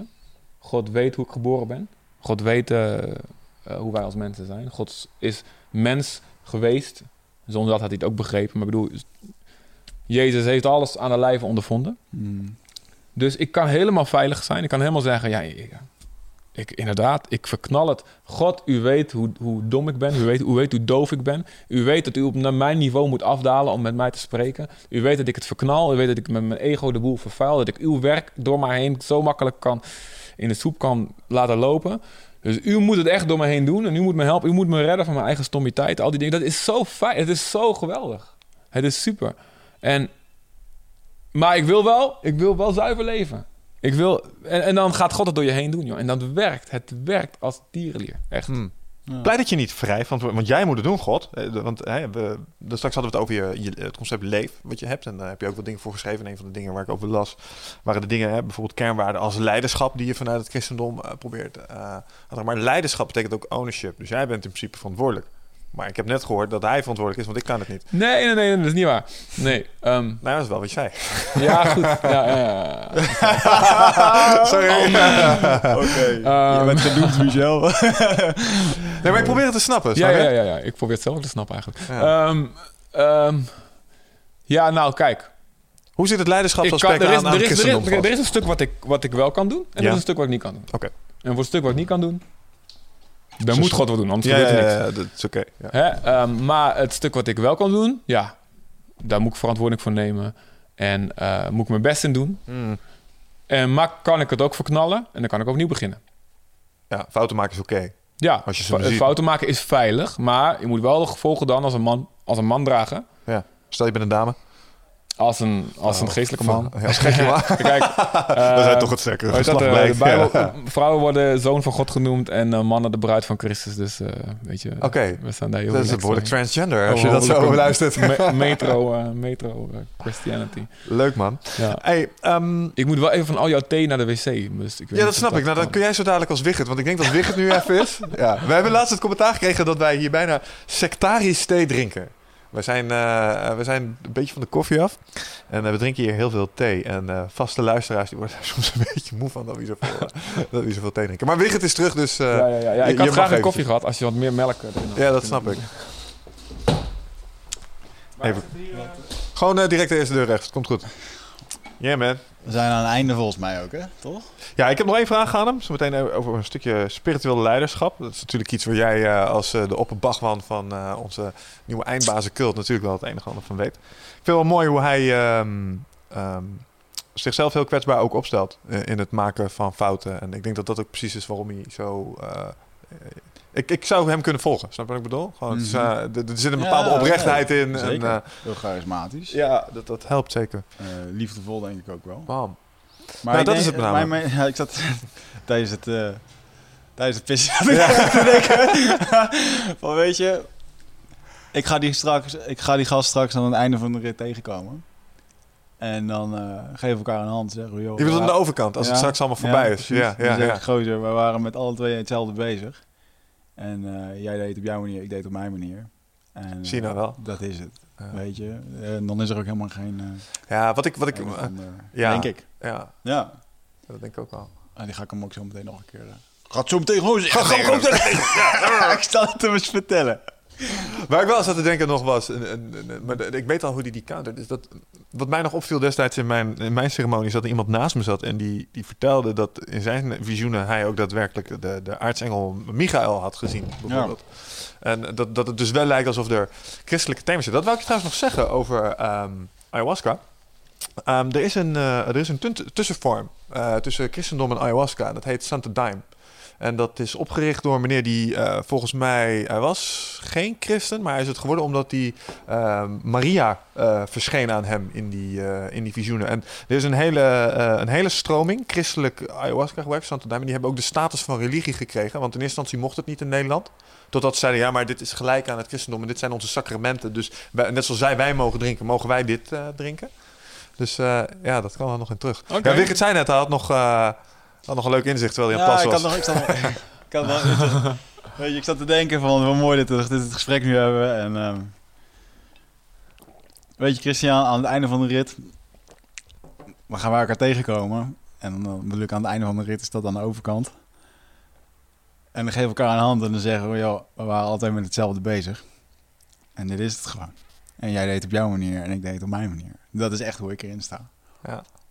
Ah. ja, He does not subscribe to this ja, point ik heb hier, ik heb hier, ik heb, ik heb hier echt een onwijs... echt zo, ja, ja. mooi. No, you're gonna ik, burn. Ik, heb hier, ik heb hier echt een onwijs vredig en fijn gevoel bij voor Ja, het ja, gesprek, ja, ja, weet je. ja. Prima. Maar hij maakt zich nog steeds zorgen om je ziel, dat is Ja, duidelijk. Ja, oké, we'll see, man. Het, ehm, Ja, het is, het is natuurlijk het, het het, het, het lot van, de, van het monotheïsme, zeg maar. eh, Is ook, eh, ja. Afscheid nemen van mensen die je niet meer gaat zien. ja. Nou, Blij ja. dat we deze podcast in ieder geval hebben opgenomen dan. Hey, ehm, ik heb nog wel één, eh, één vraag voor je. Want ehm, als voorganger en in wat je nu aan het doen bent, ehm, ben je een spiritueel leider. Jij, jij begeleidt mensen in het navigeren van de moeilijke keuzes in het leven. En nou, ik wil niet zeggen dat, eh, dat hier eh, nog meer echte spirituele leiders aan tafel zitten, maar wij krijgen ook nog wel eens vragen van mensen die richting zoeken. Ehm, en, ik en jij bent daar beduidend ervaringsdeskundiger in als wij dat zijn. En ik merk dat ik er wel eens mee worstel. Ja, jij doet dit al een hele tijd natuurlijk. En wij krijgen nog wel eens best wel moeilijke vragen. Bijvoorbeeld onder andere over ayahuasca en dat soort dingen. En denk ja, hoe moet je nou op reageren? Moet ik hier überhaupt wel op reageren? Wie ben ik om hier om iets van te vinden? Ehm, en jij doet dat al een hele tijd. Waar ik benieuwd naar ben. Wat zijn thema's waar jij vanuit dit perspectief, waar je in je leven bezig bent, waar, waar word je vaak naar gevraagd? En hoe help jij mensen daarbij? Oeh, waar word ik vaak naar gevraagd? Ehm, ja, ik, ik, ik zie mezelf niet als een soort ehm, expert, eh, psycholoog of eh, ook zelfs niet iemand met al, alle antwoorden. Zeker geen makkelijke antwoorden op, op moeilijke levensvragen hoor. Dus ik denk dat, dat het eh, redelijk eh, overschat is. Ehm, ik zie mezelf als, wel als iemand ehm, die christenen dan, eh, mensen die echt Jezus willen volgen. gewoon wi- wil helpen en uitleggen, joh, dit is, dit is wat God hierover zegt. Mhm. Dus eigenlijk zie ik mezelf veel simpeler misschien als... eh, Ja, ik heb daar een het voorstelling bij dat, dat, dat, mensen leider. bij je komen met een vraag van... Hey, luister, Ja, ik, ik worstel hiermee. heb, ik heb, ja, ik heb, ik heb, dat is wel een ding. ehm, ja, ik, ik, ik heb niet zoveel. Ik heb, dat is heel oprecht, weet je wel. Dat is ook geen valse bescheidenheid. Ik heb niet zoveel pretenties. Ik, ik heb eh, m- zelf ook meer vragen dan antwoorden. Hmm. Op heel veel van, van, eh, van de moeilijke, moeilijke vragen. Lijden, waarom dit. En ehm, daar heb ik heel veel antwoorden helemaal niet op. En ik denk ook niet dat we dat moeten gaan hebben. En al, ja, natuurlijk kan je soms een beetje helpen. Eh, maar ehm, Maar je hebt niet dingen die je vaak... Wat, zijn vragen die je vaak hoort? vragen die ik vaak hoor. Zijn ze überhaupt? Of valt het wel mee? Nou ja, Iedereen doet gewoon zo'n ding, komt eh, even holo zeggen. Nou, dat hebben we ook weer gedaan op zondag. En ik zie ze Nee, nee, nee, nee. Ik ben wel heel intensieve, intensieve ja, eh de Bijbel noemt het herderschap. Hè? Pastor is ook het Latijns gewoon voor herder. Mhm. Eh, dus je helpt, eh, je helpt mensen, zeg maar, eh, kijk, daar is gras, pas op voor die wolf en dat soort dingen. Ehm, wat is, nee, ik ben wel heel int- intens daarmee. Het is, het is eh, voor mij me- absoluut meer dan zondag. Ehm, ja, ik heb echt een, een enorme passie voor dat eh, christenen gaan leven zoals God het bedoeld heeft. Omdat ik snap hoeveel daarvan afhangt. Mhm. Weet je, ik, ik, ik, ik, ik zie zeg maar ehm, de urgentie van praktisch alles in. Eh, hoe iemand zich gedraagt op zijn werk, weet je. Kijk, hebt, jij zegt ik heb een collega op mijn werk, weet je wel. Stel dat die, dat, dat die in één keer eh, super begint te, te roddelen over zijn collega's en al die, dan heb jij ook meteen zoiets van, ja, die, die Jezus, die, die, die- dat werkt ook niet echt. Snap je? Ik hoop niet dat hij dat doet. Ja, maar, dus, daar, dus in die zin eh, probeer ik, eh, zie ik mezelf gewoon wel, wel vooral gericht op, op gelovigen. Van joh, weet je, doe nou wat God zegt en, en dit, is, dit is wat hij zegt. Want Mhm. vaak weet ik ook heel veel christenen dat niet. Ehm, nee, nee, ja, ik, ik denk dat ik vrees dat ik je daar een beetje in moet teleurstellen Ja, van is hoe, eh, hoe groot eh, mijn. Ja, dat is een beeld wat we erbij hebben. Dat herderschap waar je het over hebt. Dat Ja. is ook wat me erbij voorstelt. Dat mensen gewoon met een lastig van... van ja, ik worstel met het gegeven dat ik soms eh, moeilijke gedachten heb over... weet ik veel, een collega die ik zijn nek wel zou kunnen omdraaien. Hoe ga ik hier als goed christen mee om, weet je wel? ik koop een voodoo poppetje. En, nee, ehm, ja, ja, ja, dat, dat, ja dat, soort, dat soort dingen. Ja, natuurlijk. Ja, dat, dat, eh, dat maak ik wel veel mee. Ehm, ja. Ehm, Wat wordt... eh, mm. Nou, het kwam een beetje voort uit iets anders wat ik eh, las over je. Ehm, of wat je had geschreven. Is namelijk, ehm, je lijkt eh, betrokken te zijn bij de ontwikkeling van de mensen die je onder je hoede hebt. En nou ja, in, in jouw paradigm. je, je schreef letterlijk, de Heer heeft je opdracht gegeven om succesvol sprekers in je gemeentes een soort van los te laten, las ik ergens. Klopt dat? Oh, succesvolle sprekers in je Ja, gemeente dat hij, dat hij tot je gesproken had. Of misschien heb ik het verkeerd gelezen. Ja, het stond terecht. Het stond op jouw website, op jouw blog, dat het het idee was om dat in Zutphen en in die leefgroepen, om daar gewoon mensen te laten spreken. En wat ik daaruit haalde was, oh, dus doet blijkbaar initiatief om ook echt mensen actief te laten nadenken over hun spiritualiteit. Kwam ook op dat blog van, ja, ja, ja. daar was ik Ik heen aan het werken naar spirituele of geestelijke inteelt. Ja, ja, ja, ja. Nee, nee, nee, klopt. Ik, ik denk, ik denk dat, ik, dat ik weet wat je bedoelt. Van ja, ik, ik zie het wel als mijn taak om ook anderen op te leiden om, eh, om Gods woord goed uit te leggen. Hmm. Ehm, en meer het idee van, joh, ik, ik, ik wil niet een soort one-man show gaan, gaan voeren in, eh, in, in wat ik doe. Ik wil, ik wil dingen zoveel mogelijk in teamverband doen. En het liefst mezelf eh, eh, ehm, dat ik te missen ben na een tijdje. Nou, dat En dat ik terug kan treden en het andere veel beter gaan doen, weet je wel. Dat, is- Ja. dat- ik denk dat ik hoop dat ik dat bedoel. ja, dat ja, maar dat is bedoel. toch de gedachte. Dat je, Het gaat niet om jou. nee. Dat is het. Nee. Dus je wilt jezelf onmisbaar maken, zodat jij lekker aan het zwembad kan gaan liggen. Nou, je woont al op Aruba, dus eh, fase 1 is eh, afgerond. Ja, nee, ik, ik woon eh, gewoon echt super heel eerlijk. wat mij betreft had ik echt lekker liever in Nederland gebleven. Ja? Het, is, het is voor mij wel... Het is echt, een- echt zendelingen, Het is echt een offer om daar te zijn. Het is zeker warm daar. En, eh, maar nee, ik hou er eigenlijk niet van aan het strand liggen. Ik vind het meer gedoe dan dat het... eh, Ja, ik eerlijk gezegd ook. En eh, ik, nee, ik, ik ben liever gewoon in een vertrouwde omgeving als het aan mij vraagt. Nee, ehm, wat wil ik zeggen ermee? Weet je, ja, het is... ehm, het is, het is een... ehm, ja, uiteindelijk... eh, ja, wat jij zegt, het gaat niet, het gaat niet om mezelf. Als ik... als ik eh, met mijn kop ergens op de voorkant van iets moet, eh, dan, of iets moet, ja, een soort eh, uithangbord moet zijn. Als dat Gods plan is, dan is dat prima. Vroeger wou ik altijd beroemd worden en zo. En, Hmm. Ehm, en natuurlijk heb ik soms, dan zie ik, eh, ik soms komt het naar boven. Weet je, dan zie ik eh, iemand die heel veel roem en wow krijgt. denk je ook wel. Ja, maar gast, je zit nu gewoon in de eindbaas Ja. podcast. Waar heb je het over? Dit Het is eh, gelukt. Het is niet klaar. Jouw taak zit. Hè? Ben klaar nu, ja. It's done, man. Ja, geitje. Maar ja, ik vind het heel mooi om te zien hoe jij eh, eh, hoe je daarmee bezig bent en, hoe je eh, zeg maar en dat heb ik dus echt gezien van ja, vanaf je vanaf je jeugd hoe je op een gegeven moment dat er iets een knop in je inging en dat je een pad op bent gegaan en dat zeg maar door telkens hard te werken en kleine successen te boeken toch een bepaalde naam hebt opgebouwd zeg maar in jullie hè, wereld en van daaruit mogelijkheden voor jezelf hebt geopend om te gaan doen wat je echt in gelooft. Hè? Dat, is, dat is een van de mooiste eigenschappen die ik bij jou zie. Als ik denk aan iemand die echt overtuigd is van waar hij in gelooft, dan denk ik aan Christian Tan. Want dat merk je in de manier waarop je handelt en hoe je dingen doet. En ik denk dat de les voor luisteraars die er ook in zitten, als ze luisteren naar jouw verhaal, is van joh, als je er echt in gelooft, dan moet je ervoor gaan. En weet je, jij zegt eh, het is God, wij zeggen het is het universum die het zeg maar voor je regelt. Maar hoe dan ook, linksom of rechtsom, er gaan kansen komen voor je om het gewoon waar te maken. En dat vind ik zo inspirerend, inspirerend aan wat jij gedaan hebt. Ja, ja, ja, ja, misschien dat ding van... ehm, ja, iets wat, eigenlijk, eh, wat ik eigenlijk uit noodzaak deed, weet je wel. Dus meer, eh, meer gaan... Meer ja zeggen tegen, tegen aanvragen. Wat ik eigenlijk... Wat me meer tijd kostte weg van mijn gezin, weet je wel. Mm. Dat uiteindelijk God dat weer gebruikt heeft. Eh, het universum slash God gebruikt heeft om, om, om de volgende stap mogelijk te maken, wat daarvoor niet mogelijk was geweest. En ja, ja, ja, inderdaad. Ja, ik ben voorganger geworden ook door via een uitzendbureau eigenlijk. Dus eh heel apart verhaal. Maar, Dat eh, kan dus blijkbaar.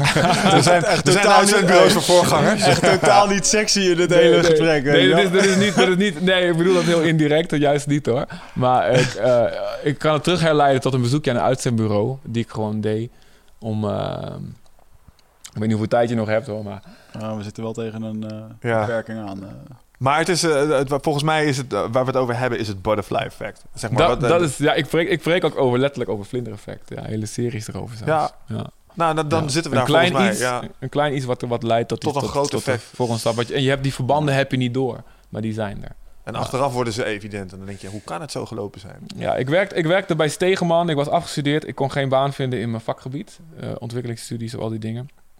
En ik werkte gewoon omdat ik voelde... Ik moet, ik moet alles doen om geld te verdienen. Ben net getrouwd. Dus Ja. ik werkte bij Stegeman, gehaktballen vangen de hele dag. Was echt, ik geloof sommige mensen hebben absoluut die roeping. Maar voor mij was niet de plek waar ik wilde zijn. Ja.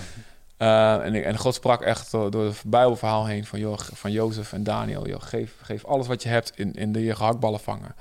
En eh, dus toen ik dat begon te doen en met heel andere blik naar mijn saaie dagelijkse baan ging kijken, ehm, toen begon ik allemaal ideeën te krijgen voor een andere plek waar ik even gewerkt had. Eh, terwijl ik dus fanatiek, terwijl ik daarvoor zat ik echt zo, eh, wanneer is de dag voorbij? En eh, toen ik energiek begon, begon te werken in mijn oninspirerende baan, begon ik ideeën te krijgen voor die andere plek. En, ik, en, en Nathalie zei, je moet, je moet gewoon naartoe gaan. Naar die gasten. Hmm. Ga, ga- leg je ideeën voor. Dus ik heb dat gedaan. En uiteindelijk ben ik daar gaan werken.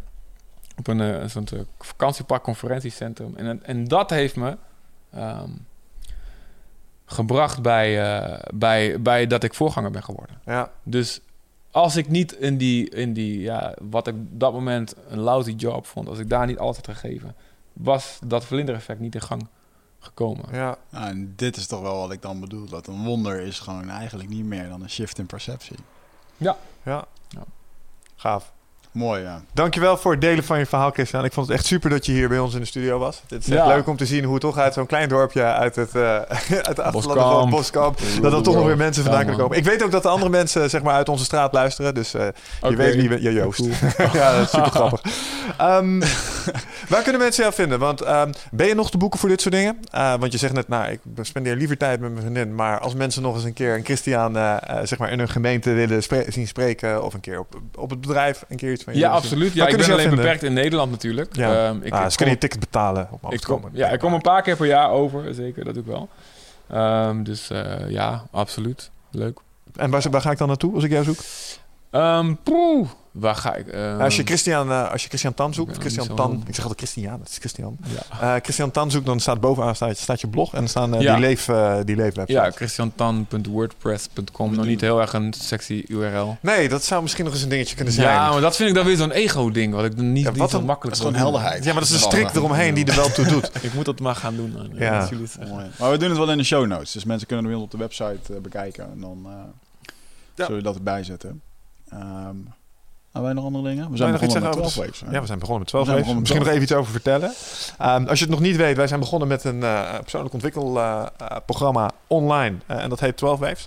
Wij hebben een website, www.12waves.nl 12-waves.nl Ja, zeker. Nou, het is de grote Wigget en Michel show. eh, waarin we zeg maar eh, ja. eigenlijk...